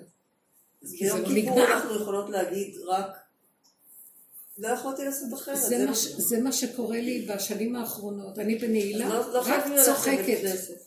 פתח לנו, איך, איך, פתח, פתח לנו, איך, איך שאחרי הפיוט הזה, המציא לנו אה, מחילה בשעת הנעילה. מה זה מחילה? תמציא לי מחילת עפר, לשים את הראש. כן. תעשה לי מחילה, נכניס את הראש ונגמר. איזה מחילה. כי מחר אני אכתב ואשוב. אין דבר כזה פה לא. אי אפשר, אתם לא יודעים, אנחנו שבויים תחת חוק מזעזע. לא ניגמר, הגלות הזאת לא תיגמר. והיא אמרה ונכנסה ואמרה, לא רוצים פה לגמור את הגלות. אנחנו לא רוצים לגמור את הגלות. כי להגיד לא יכול, תשברו את הדבר הזה. זה כל הגלות תיפסק שם ונגמר. ונצחק. הדורות האחרונים עכשיו, הדור שמגיע הוא כל כך ריקני, הוא כל הזמן, הוא לא יכול, אבל בצורה לא טובה. הוא לא ידע לצחוק. הוא הולך לשיממון ולתימהון של ההתאבדות. זה נקרא ייאוש. ואנחנו רוצים להגיד לא יכול בצחוק אמיתי, באמת כמו ילד קטן שומע, אבל זאת האמת שלי, לא יכול. איזה יופי. איזה חוכמה. זה חוכמת הפתי. כתוב על שלמה המלך שהיה חכם מכל אדם. רק מדרגה הייתה חסרה לו. הוא לא הגיע למדרגת הפתי. שמעתם? מה זה מדרגת הפתי? כי החכם הוא מדרגת החוכמה, והפתי זה הכתר. פתי מאמין לכל דבר, האמונה. לא יודע, לא יכול, כן, סגני, אני פתי, כל רגע יגנבו אותי פה בשניות. פיתיון. אני נופל, יפה. אני נופל בפיתיון, אני לא יכול בשום אופן. אתם יודעים מה זה? תודו באמת, מי יכול לעמוד בכלום? הכל הזיה. על זה אנחנו מתים וחיים ומתים ורבים ומה לא ושיגעון ואנשים חולים רק כי העליבו אותם שהם לא יכולים. מה את אומרת? הנוער, הנוער שהם אה, לא יכולים. הנוער הזה אנחנו עושים אותו. אבל רגע, שנייה, לפני שאנחנו עושים אותו, כי אנחנו בטוח אותו.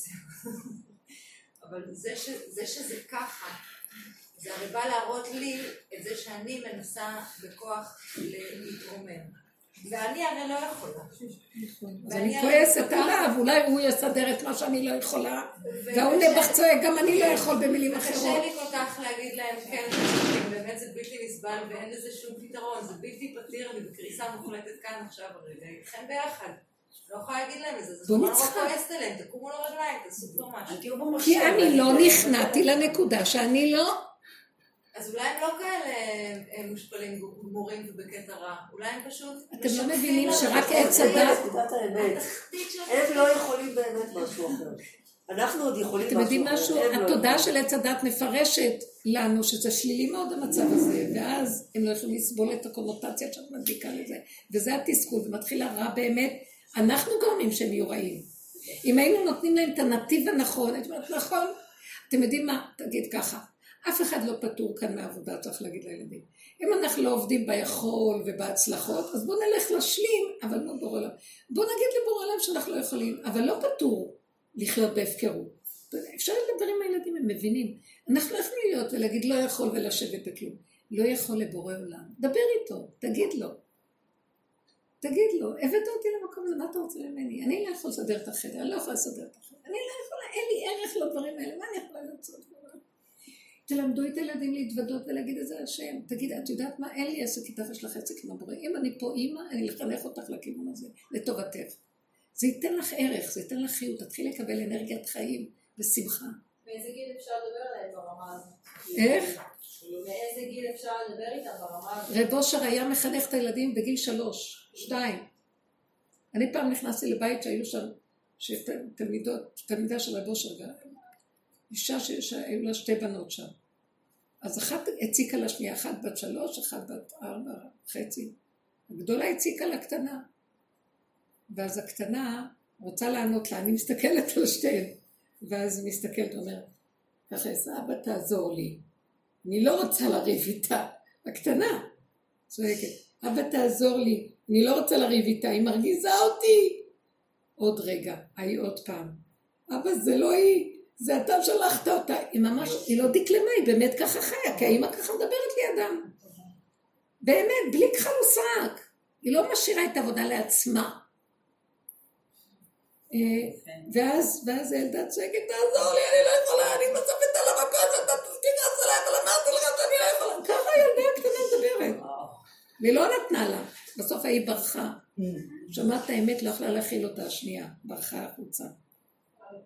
את שומעת איך ילדים, ילדים עוד יותר קולטים את זה, מהר. כי הם נורא, הם, הם קולטים את הלא יכול של התלמידים שלהם. רק אנחנו בתודעה של ההצלחות, של הגדלות, אתה יכול, אתה יכול, אתה יכול. תשמעו רגע, זה נראה לנו כאילו צריך לגדל את האדם עד שהוא יהיה יכול, וכשהוא יכול, להתחיל להגיד לו אתה לא יכול. זה ככה נראה לפי הסדר. היום כבר אין זמן לדבר הזה. נולדים ילדים שמההתחלה הם לא יכולים. חבל שלא נעלה על הטרד הזה, ונחליט אותם, נגליץ' אותם לתוך האמת הפשוטה. נכון, אף אחד לא יכול, רק השם יכול. אתה יודע מה השם איתך? מי מנשים אותך? זה אתה מושב, זה השם מנשים אותך. אז כמו שמנשים אותך, הוא גם יגיד לך, הוא גם יכול לעשות לך להרים את היד ולהרים את המגבת מהרצפה, רק תגיד לו. תגיד לו, אני אין לי כוח השם, כמו שאתה מנשים אותי, אז גם תרים לי את היד, לעזור קצת פה. באמת אני לא עושה כלום, זה רק אתה עושה הכול. אבל הבית צריך להיות נקי, שימו לב. דבר. עכשיו מה קרה? עכשיו סגרו להם את הבית ספר, כאילו, לגדולים. כן. מי דואג מזה? רק ההורים רואים. כן, הילדים אומרים, הנה, כאילו, אנחנו לא יכולים, הכל בסדר, מי מודאג? ההורים, כאילו יש בעיה. אבל איזה באמת בעיה? ההורים היו מייחלים לזה, אבל הנה קורה לבד, אז המצפון כבר נרגע. לא ככה. זה לא נורמלי באמת. אמר לי מישהי שהילד שלה חזר. חזר, התחילו את בית ספר. המורה, אחת המורות נדבקה, כולם בשבוע בידוד. ככה זה מתחיל. אני הודעתי לילדים שלי, אתמול אמרתם, תראו, אתם הולכים לבית ספר, אבל תכף בטח אנחנו נהיה בבידוד, ויסגרו את הבית ספר, אז רק שתדעו שזה אוטוטו מגיע. זה הולך להיות השנה. אין תנו יותר מדי זמן, כאילו. תקשיבו, איזה מזימה שעשה פה, נעלמה מעיני כל חי. אין דבר יותר מופלא מדבר כזה. כלום, כאילו המסגרות לא, חוזרים הכל, למה לא, טק, עוד לא מתחילים כבר, זה כזה. זה משהו לא נורמלי. כי יש משהו לא בסדר במסגרות, זאת אומרת אין ערך אמיתי במסגרות האלה. יש משהו שמעורר, והמרדאי הולך להתפרק. וזה נעשה בצורה שלא יהיה שוק לבני אדם, ואז הם יריבו, ואז בכוח יעשו מסגרות. לא, הם כבר מסכימים כולם, מצטרפים, כי אין ברירה, יש קורונה. איזה חכם הרזים זה השם הזה.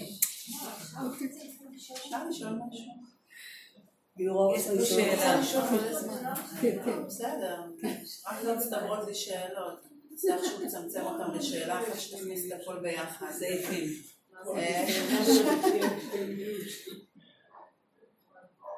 דיברת, אמרת עם ישראל. יש איזה עניין עם הקולקטיב? למה אני שוללת? האם אנחנו תלויים אלו באלו באיזושהי צורה? האם אני יכולה להגיע לתודעת גן עדן, והוא יגיע וזה יגיע לאט לאט כל אחד בזמנו, או שכולנו יחד עוברים במעבר? אני רואה שאני צריכה לפרק, ואחרי כמה זמן צריכה לפרק עוד פעם, ועוד פעם, ועוד פעם, הפירוק לא נגמר, זה כל פעם התשובה. מגיע איזשהו שלב שאת אמרת, אה, זהו, נגמרו המאבקים. אין כוח כבר. אדם רואה. נגמרו המאבקים. זה כי יצאת מפה, פיזית בגוף, או אתה פה ונגמרו המאבקים. זאת שאלה מדהימה. לא, קודם כל נחזור לשאלה הראשונה. לא, לא, קולקטיב. יש דבר כזה? בדיוק. אה, אז אני אגיד לכם, זו באמת שאלה נהדרת, ויש לי תשובה נהדרת. שמחתי עלייך. אני אגיד לכם משהו. אני אגיד לכם, כתוב בתורה ככה, רש"י כותב, כל השקפה לרעה חוץ להשקיף השם ממעון קודשך, וברך את הנחלה שנתת לנו. זה בפרשה של הבאת התרומות והביקורים לבית המקדש. עכשיו, מה הכוונה? כל פעם שהבן אדם מרים את הראש ומשקיף, כמו שאמרתי לכם, ורואה גדול, קולקטיב, לא שם השטן יושב לו. איזה גדול, וזה או שהוא מתפעם ורוחו זכה עליו מגדלותו, כולם שמעו אותי, כולם ראו אותי, או שהוא מת מפחד, איך אני אעשה את הכל? יואו, זה המון, זה אי אפשר, ונשבע. יש רק מקום אחד, רק השם יכול להיות בקולקטיב הזה. השם הוא הכללי ואנחנו הפרט. הוא הבורא, כולל הכל וכל יכול. וכל עולם גם יחד. ואנחנו הפרט. אבל בני ישראל... עד שלא נכיר, רגע, עד שלא נכיר את היסוד הזה, כל אחד בפרט שלו, מכאן יתגלה הקולקטיב הגדול ויחבר. החיבור והכלליות בא מכוח ההכנעה של היחיד בתוך נפשו למערכת של בוראו. זהו. כשאנחנו במקום הזה, יש כוח שמאגד את הפרט, הפרט, הפרט, הפרט, יש כוח שמחבר את השניים, שזה הזוגיות, שכינה ביניהם, זכו. כי כל אחד מסתכל על נקודה שלו, יש מי בא ומחבר את הזוגיות, וזה מאוד יפה, ולרגע, לפרקים. הכלליות מופיעה לא תמיד, כלליות רגע. ויחן ישראל תחת הר כאיש אחד, בלב אחד, לרגע אחד. כי אנחנו תחת החוק הזה עדיין פה של הריבוי, של עץ הדת. אי אפשר כלליות מוחלטת. אמנם, תדעו, וזה הסוד, עד שלא נעשה את העבודה הזאת בפרט, ונגיד טוב טוב טוב תורידו אותנו מהדעות והבנות והשגות ומהעץ הגבוה הזה, ונתחיל להתכנס כמו אנשים קטנים פרטיים. איך אמר דוד המלך, בהמות הייתי עמך, למה מלך ישראל? ראש הסנהדרין, גדול האומה, בהמות הייתי עמך. יכול להיות שבתפקיד החיצוני זה היה תפקיד. הוא לא לקח לעצמו את הקרדיט הזאת ואת הדמיון והתרחב איתו במוח הגבוה. אז הוא הפך להיות לפרט קטן שקטן יותר ממנו לא היה כבר. עפר ואפר בהמות הייתי עמך. טוב, עכשיו התגלה עליו השם וחיבר אותו. כל כלל ישראל תלוי בדוד המלך. אחדות, הוא יצר את האחדות בעם ישראל. הבנתם מה אני מדברת? אז אחדות לא יכולה לבוא מהבן אדם, כי הבן אדם הוא פירוד. אבל כשהוא מסכים שהוא פירוד וחי את סכנתו, ויודע שהוא חי, הוא גר בארץ, כי יש כאן תודעה מאוד קשה. אז, והוא מבקש מבורו שירחם עליו, שהוא רק תלוי בו, כגמול עלי אמו, כגמול עלי נפשי, שם יתגלה עליו בוראו, ויאחד אותו, הוא יחבר אותו למשפחתו, הוא יחבר אותו לילדיו ולבעלו ולאשתו ולמה לא. אתם לא מבינים, אני אמרתי לו, ריבונו של עולם. נצטט אותך. כן, לא יודעת מי הוא ומי היא, הכל מתבלבל שם. וזה יפה, וככה זה צריך להיות. יש כוח הכלל.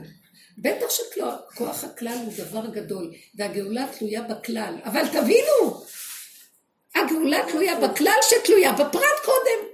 מפרט שהוא כלל ומכלל שהוא פרט, ופרט שתלוי בכלל, יש עוד ג' דברים שהתורה נקנית בהם. כן. רבי ישמעאל, תקראו את המשנה הזאת. זה דבר מדהים, שזה בעצם זה דבר אחד, אבל זה מתחיל, השם ברא את העולם, הוא יכול לעשות הכל בעולמו. לקח את האדם ואמר, זה הכל תלוי בך. שמה? שתכיר שאתה כלום אחד גדול, שזה בראתי אותך, ואז הכל יסתדר. שמעתם? איזה אנטיתזה של המציאות שלנו. האדם, נזר הבריאה, הדבר הראשון היה נזר הבריאה, אה, אור עליון, מה לא? היה נכון, לא היה צריך את כל הסיפור הזה. הוא היה כלול בבורא עולם. מאיפה היה נזר הבריאה ואור גדול? מהכוח של השם ששכן בתוכו, והוא הכיר את זה וידע את זה. בא הנחש, פיתה אותו להיכנס בעץ הדת, ואז הכל רק כאילו. אני כאילו אור גדול, אני אדם, הוא זוכר את הרשימוס שהוא אדם עליון. הוא היה מלך הבריאה. כשהמלאכים ראו אותו, רצו, והבריאה ראתה אותו, כשרק הקימו אותו, את האדם הראשון, כולם רצו לבוא להשתחוות לו, חשבו שאלוקים. הוא אמר, לא, לא, לא, לא, אני רק נברא, אבל הנברא עילאי, כי השוכן, השם שוכן בתוכי. בואו אני ואתם נשתחווה לבוראנו שברא אותנו. איזה הכנעה, איזה יופי. בא הנחש, הכניס אותו לדמיון, מאז הוא רק מתהלך עם הדמיון של הרשימו שהוא היה פעם, אבל כלום, רקע. כל היום מת מפחד שמישהו ייקח לו את הכיסא ויגנוב לו. איזה מלכות. כל היום חייו של אדם תלויים מנגד, וכל רגע הוא מפחד שמישהו אה, אה, אה, לא, י, לא יאהב אותו, לא יחשיב אותו, לא ישמע את מה שיש לו להגיד, אלא מי אתה, שתוק. וכל עבודתנו היא רק לפרק את כל הדבר הזה ולהגיד אני לא. ואת לא יכולה סתם, זה פטנט להגיד את זה, את צריכה על בשרך אחורה, אחורה, אחורה, אחורה, לתלוש שערה בשערה, עד שתהיי קרחת. זהו, שמעת את הרעמה הגדולה הזאת, איפה צריך לשים? זהו. ועכשיו יתגלה הכולל הגדול, והוא יחבר. איזה כיף זה. אז אני אמרתי לו פעם, ריבונו שם, אין לי, אני, אני כל הזמן, הדרך הזאת מביאה אותי לבדידות, נכון? כמו שאמרנו פה. אני לבד, אני ביחידה, אני בזה, ואני לא רוצה להתנתק מבני משפחתי, ואני לא רוצה להתנתק מהקהילה, אני לא רוצה להתנתק, אני מתנתקת. אז אמרתי לו, אתה יודע משהו, אתה רצית את העבודה הזאת, נכון? דיברתי בורא לה בשבילי זה רב אושר, מדברת איתו. כי הוא בדרך, המורה של הדרך. הוא כוח אלוקי, הוא התקלל בשכינה. אז אם אני בדרך הזאת, ואני הולכת כך, אתה יודע, אני אעשה איתך עסק. אני אלך בדרך, ואני מוסרת את כל הכלל הגדול. המשפחה, הזוגיות, הילדים, הכל הכל אליך. אבל אתה תחבר אותי, שמעת? זה שלך, לא שלי. אני אעשה לך את העבודה הזאת, ואתה תחבר אותי. אתם לא מבינים מה היה. זה, זה, התפילה הזאת יצאה לי לפני איזה חצי שנה. אתם לא מבינים מה, אז מה, הם לא עוזבים אותי, נמאס לי כבר, לכו הביתה. דשש כוחים הם, ושלט להם סדר, אבל כיף. הם באים אלה, באים אלה, הולכים אלה, הולכים אלה, באים כולם ביחד ועוד פעם ואני אמרתי לו, טוב, טוב, אבל זה כבר ציפיר. זה יותר מדי כבוד. לא התכוונתי ככה, השם. זה כמו חוני המעגל, לא כזה גשם, תיקח את זה, תחזיר מה שאתה... זה כל כך מצחיק, ואז אני רואה איך שהוא שומע, כן? את תעשי את עבודתי, אני אחבר. אני הכולל הגדול פה, אל תדאגו לכלום. פרנסה תגיע אליכם, זה יגיע אליכם, אלי יגיע אליכם, יכבדו אתכם. אתם תעשו רק מה אני צריך מי שיפרק את הרשע השטן הזה שלא נותן לי להתגלות בעולם. זה הכל, אני אסדר לכם את הכל. מה אתם רוצים? עסקת חבילה הכי יפה שיש לך. אבל צריך להיכנס בזה עד הסוף. אבא בבקשה, תעזור לנו. זה כל הסוד של הגאולה, להכיר את הדבר הזה. דוד המלך, הוא הכיר ראש באדמה, פעם נכנסתי לרב אושר. אחותי נכנסה, אני, אני ראיתי את רב אושר ככה, הוא שכב על המיטה, ושמואל כץ הכניס אותנו הגבאי. איך שנכנסנו, פתאום, לא יודעת, ראה אותנו, לא ראה, לא כלום, פתאום, כאילו זה שנייה, אנחנו נכנסים וזה קרה, זה, זה היה תמיד משהו מדויק. התיישב על המיטה כמו איזה אריה, וצועק, לא שומע רב שמיל, שמואל, שמיל. כל פעם שדוד המלך הרים את הראש, השם שם לו את זה באדמה, עד שהוא הבין שבאדמה זה טוב. הוא רוצה שנשמע את זה כנראה. זה היה איזה דיבור צעק, כמו אריה שואג. כל פעם היה לו כזה דיבור. כל פעם שדוד המלך הרים את הראש, השם שם לו את זה באדמה. עד שהוא הבין שבאדמה זה טוב, ראש באדמה זה טוב. זה היה מדהים. זהו. זה לא רק טוב, זה מנוחת הנפש, זה שלווה, גאולה. עכשיו אני אומרת, בפשטות הזאת נהיה לי כזה דבר. ממש, אני רואה את זה, אני... אין לי כוח. אז עכשיו, מתחיל להיות איזה משהו מולי, ואני... לא, לא, אני לא מתערבת.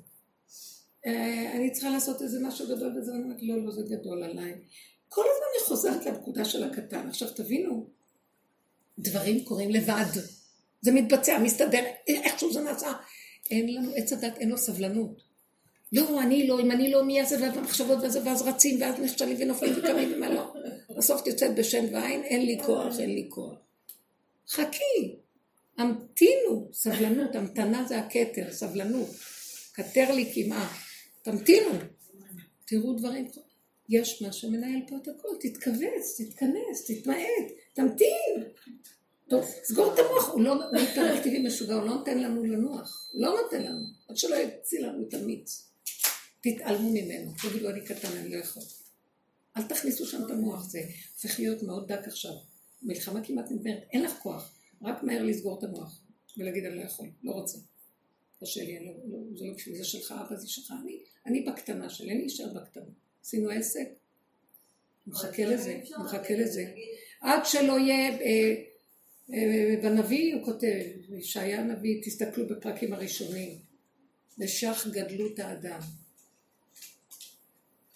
והאדיר בלבנון ייפול, ארזי הלבנון. והשם יגדע את רמי הקומה. והשבתי מקרבך עליזי גאוותך, זה בצפניה. והשארתי בקרבך עם עני ודל, עליזי גאוותך הולך לכם. והשארתי בקרבך עם עני ודל, והם וחסו בשם השם. עיניי בנאמני ארץ לשבת עמדי. פשטות. פשטות, להודות באמת הפשוטה.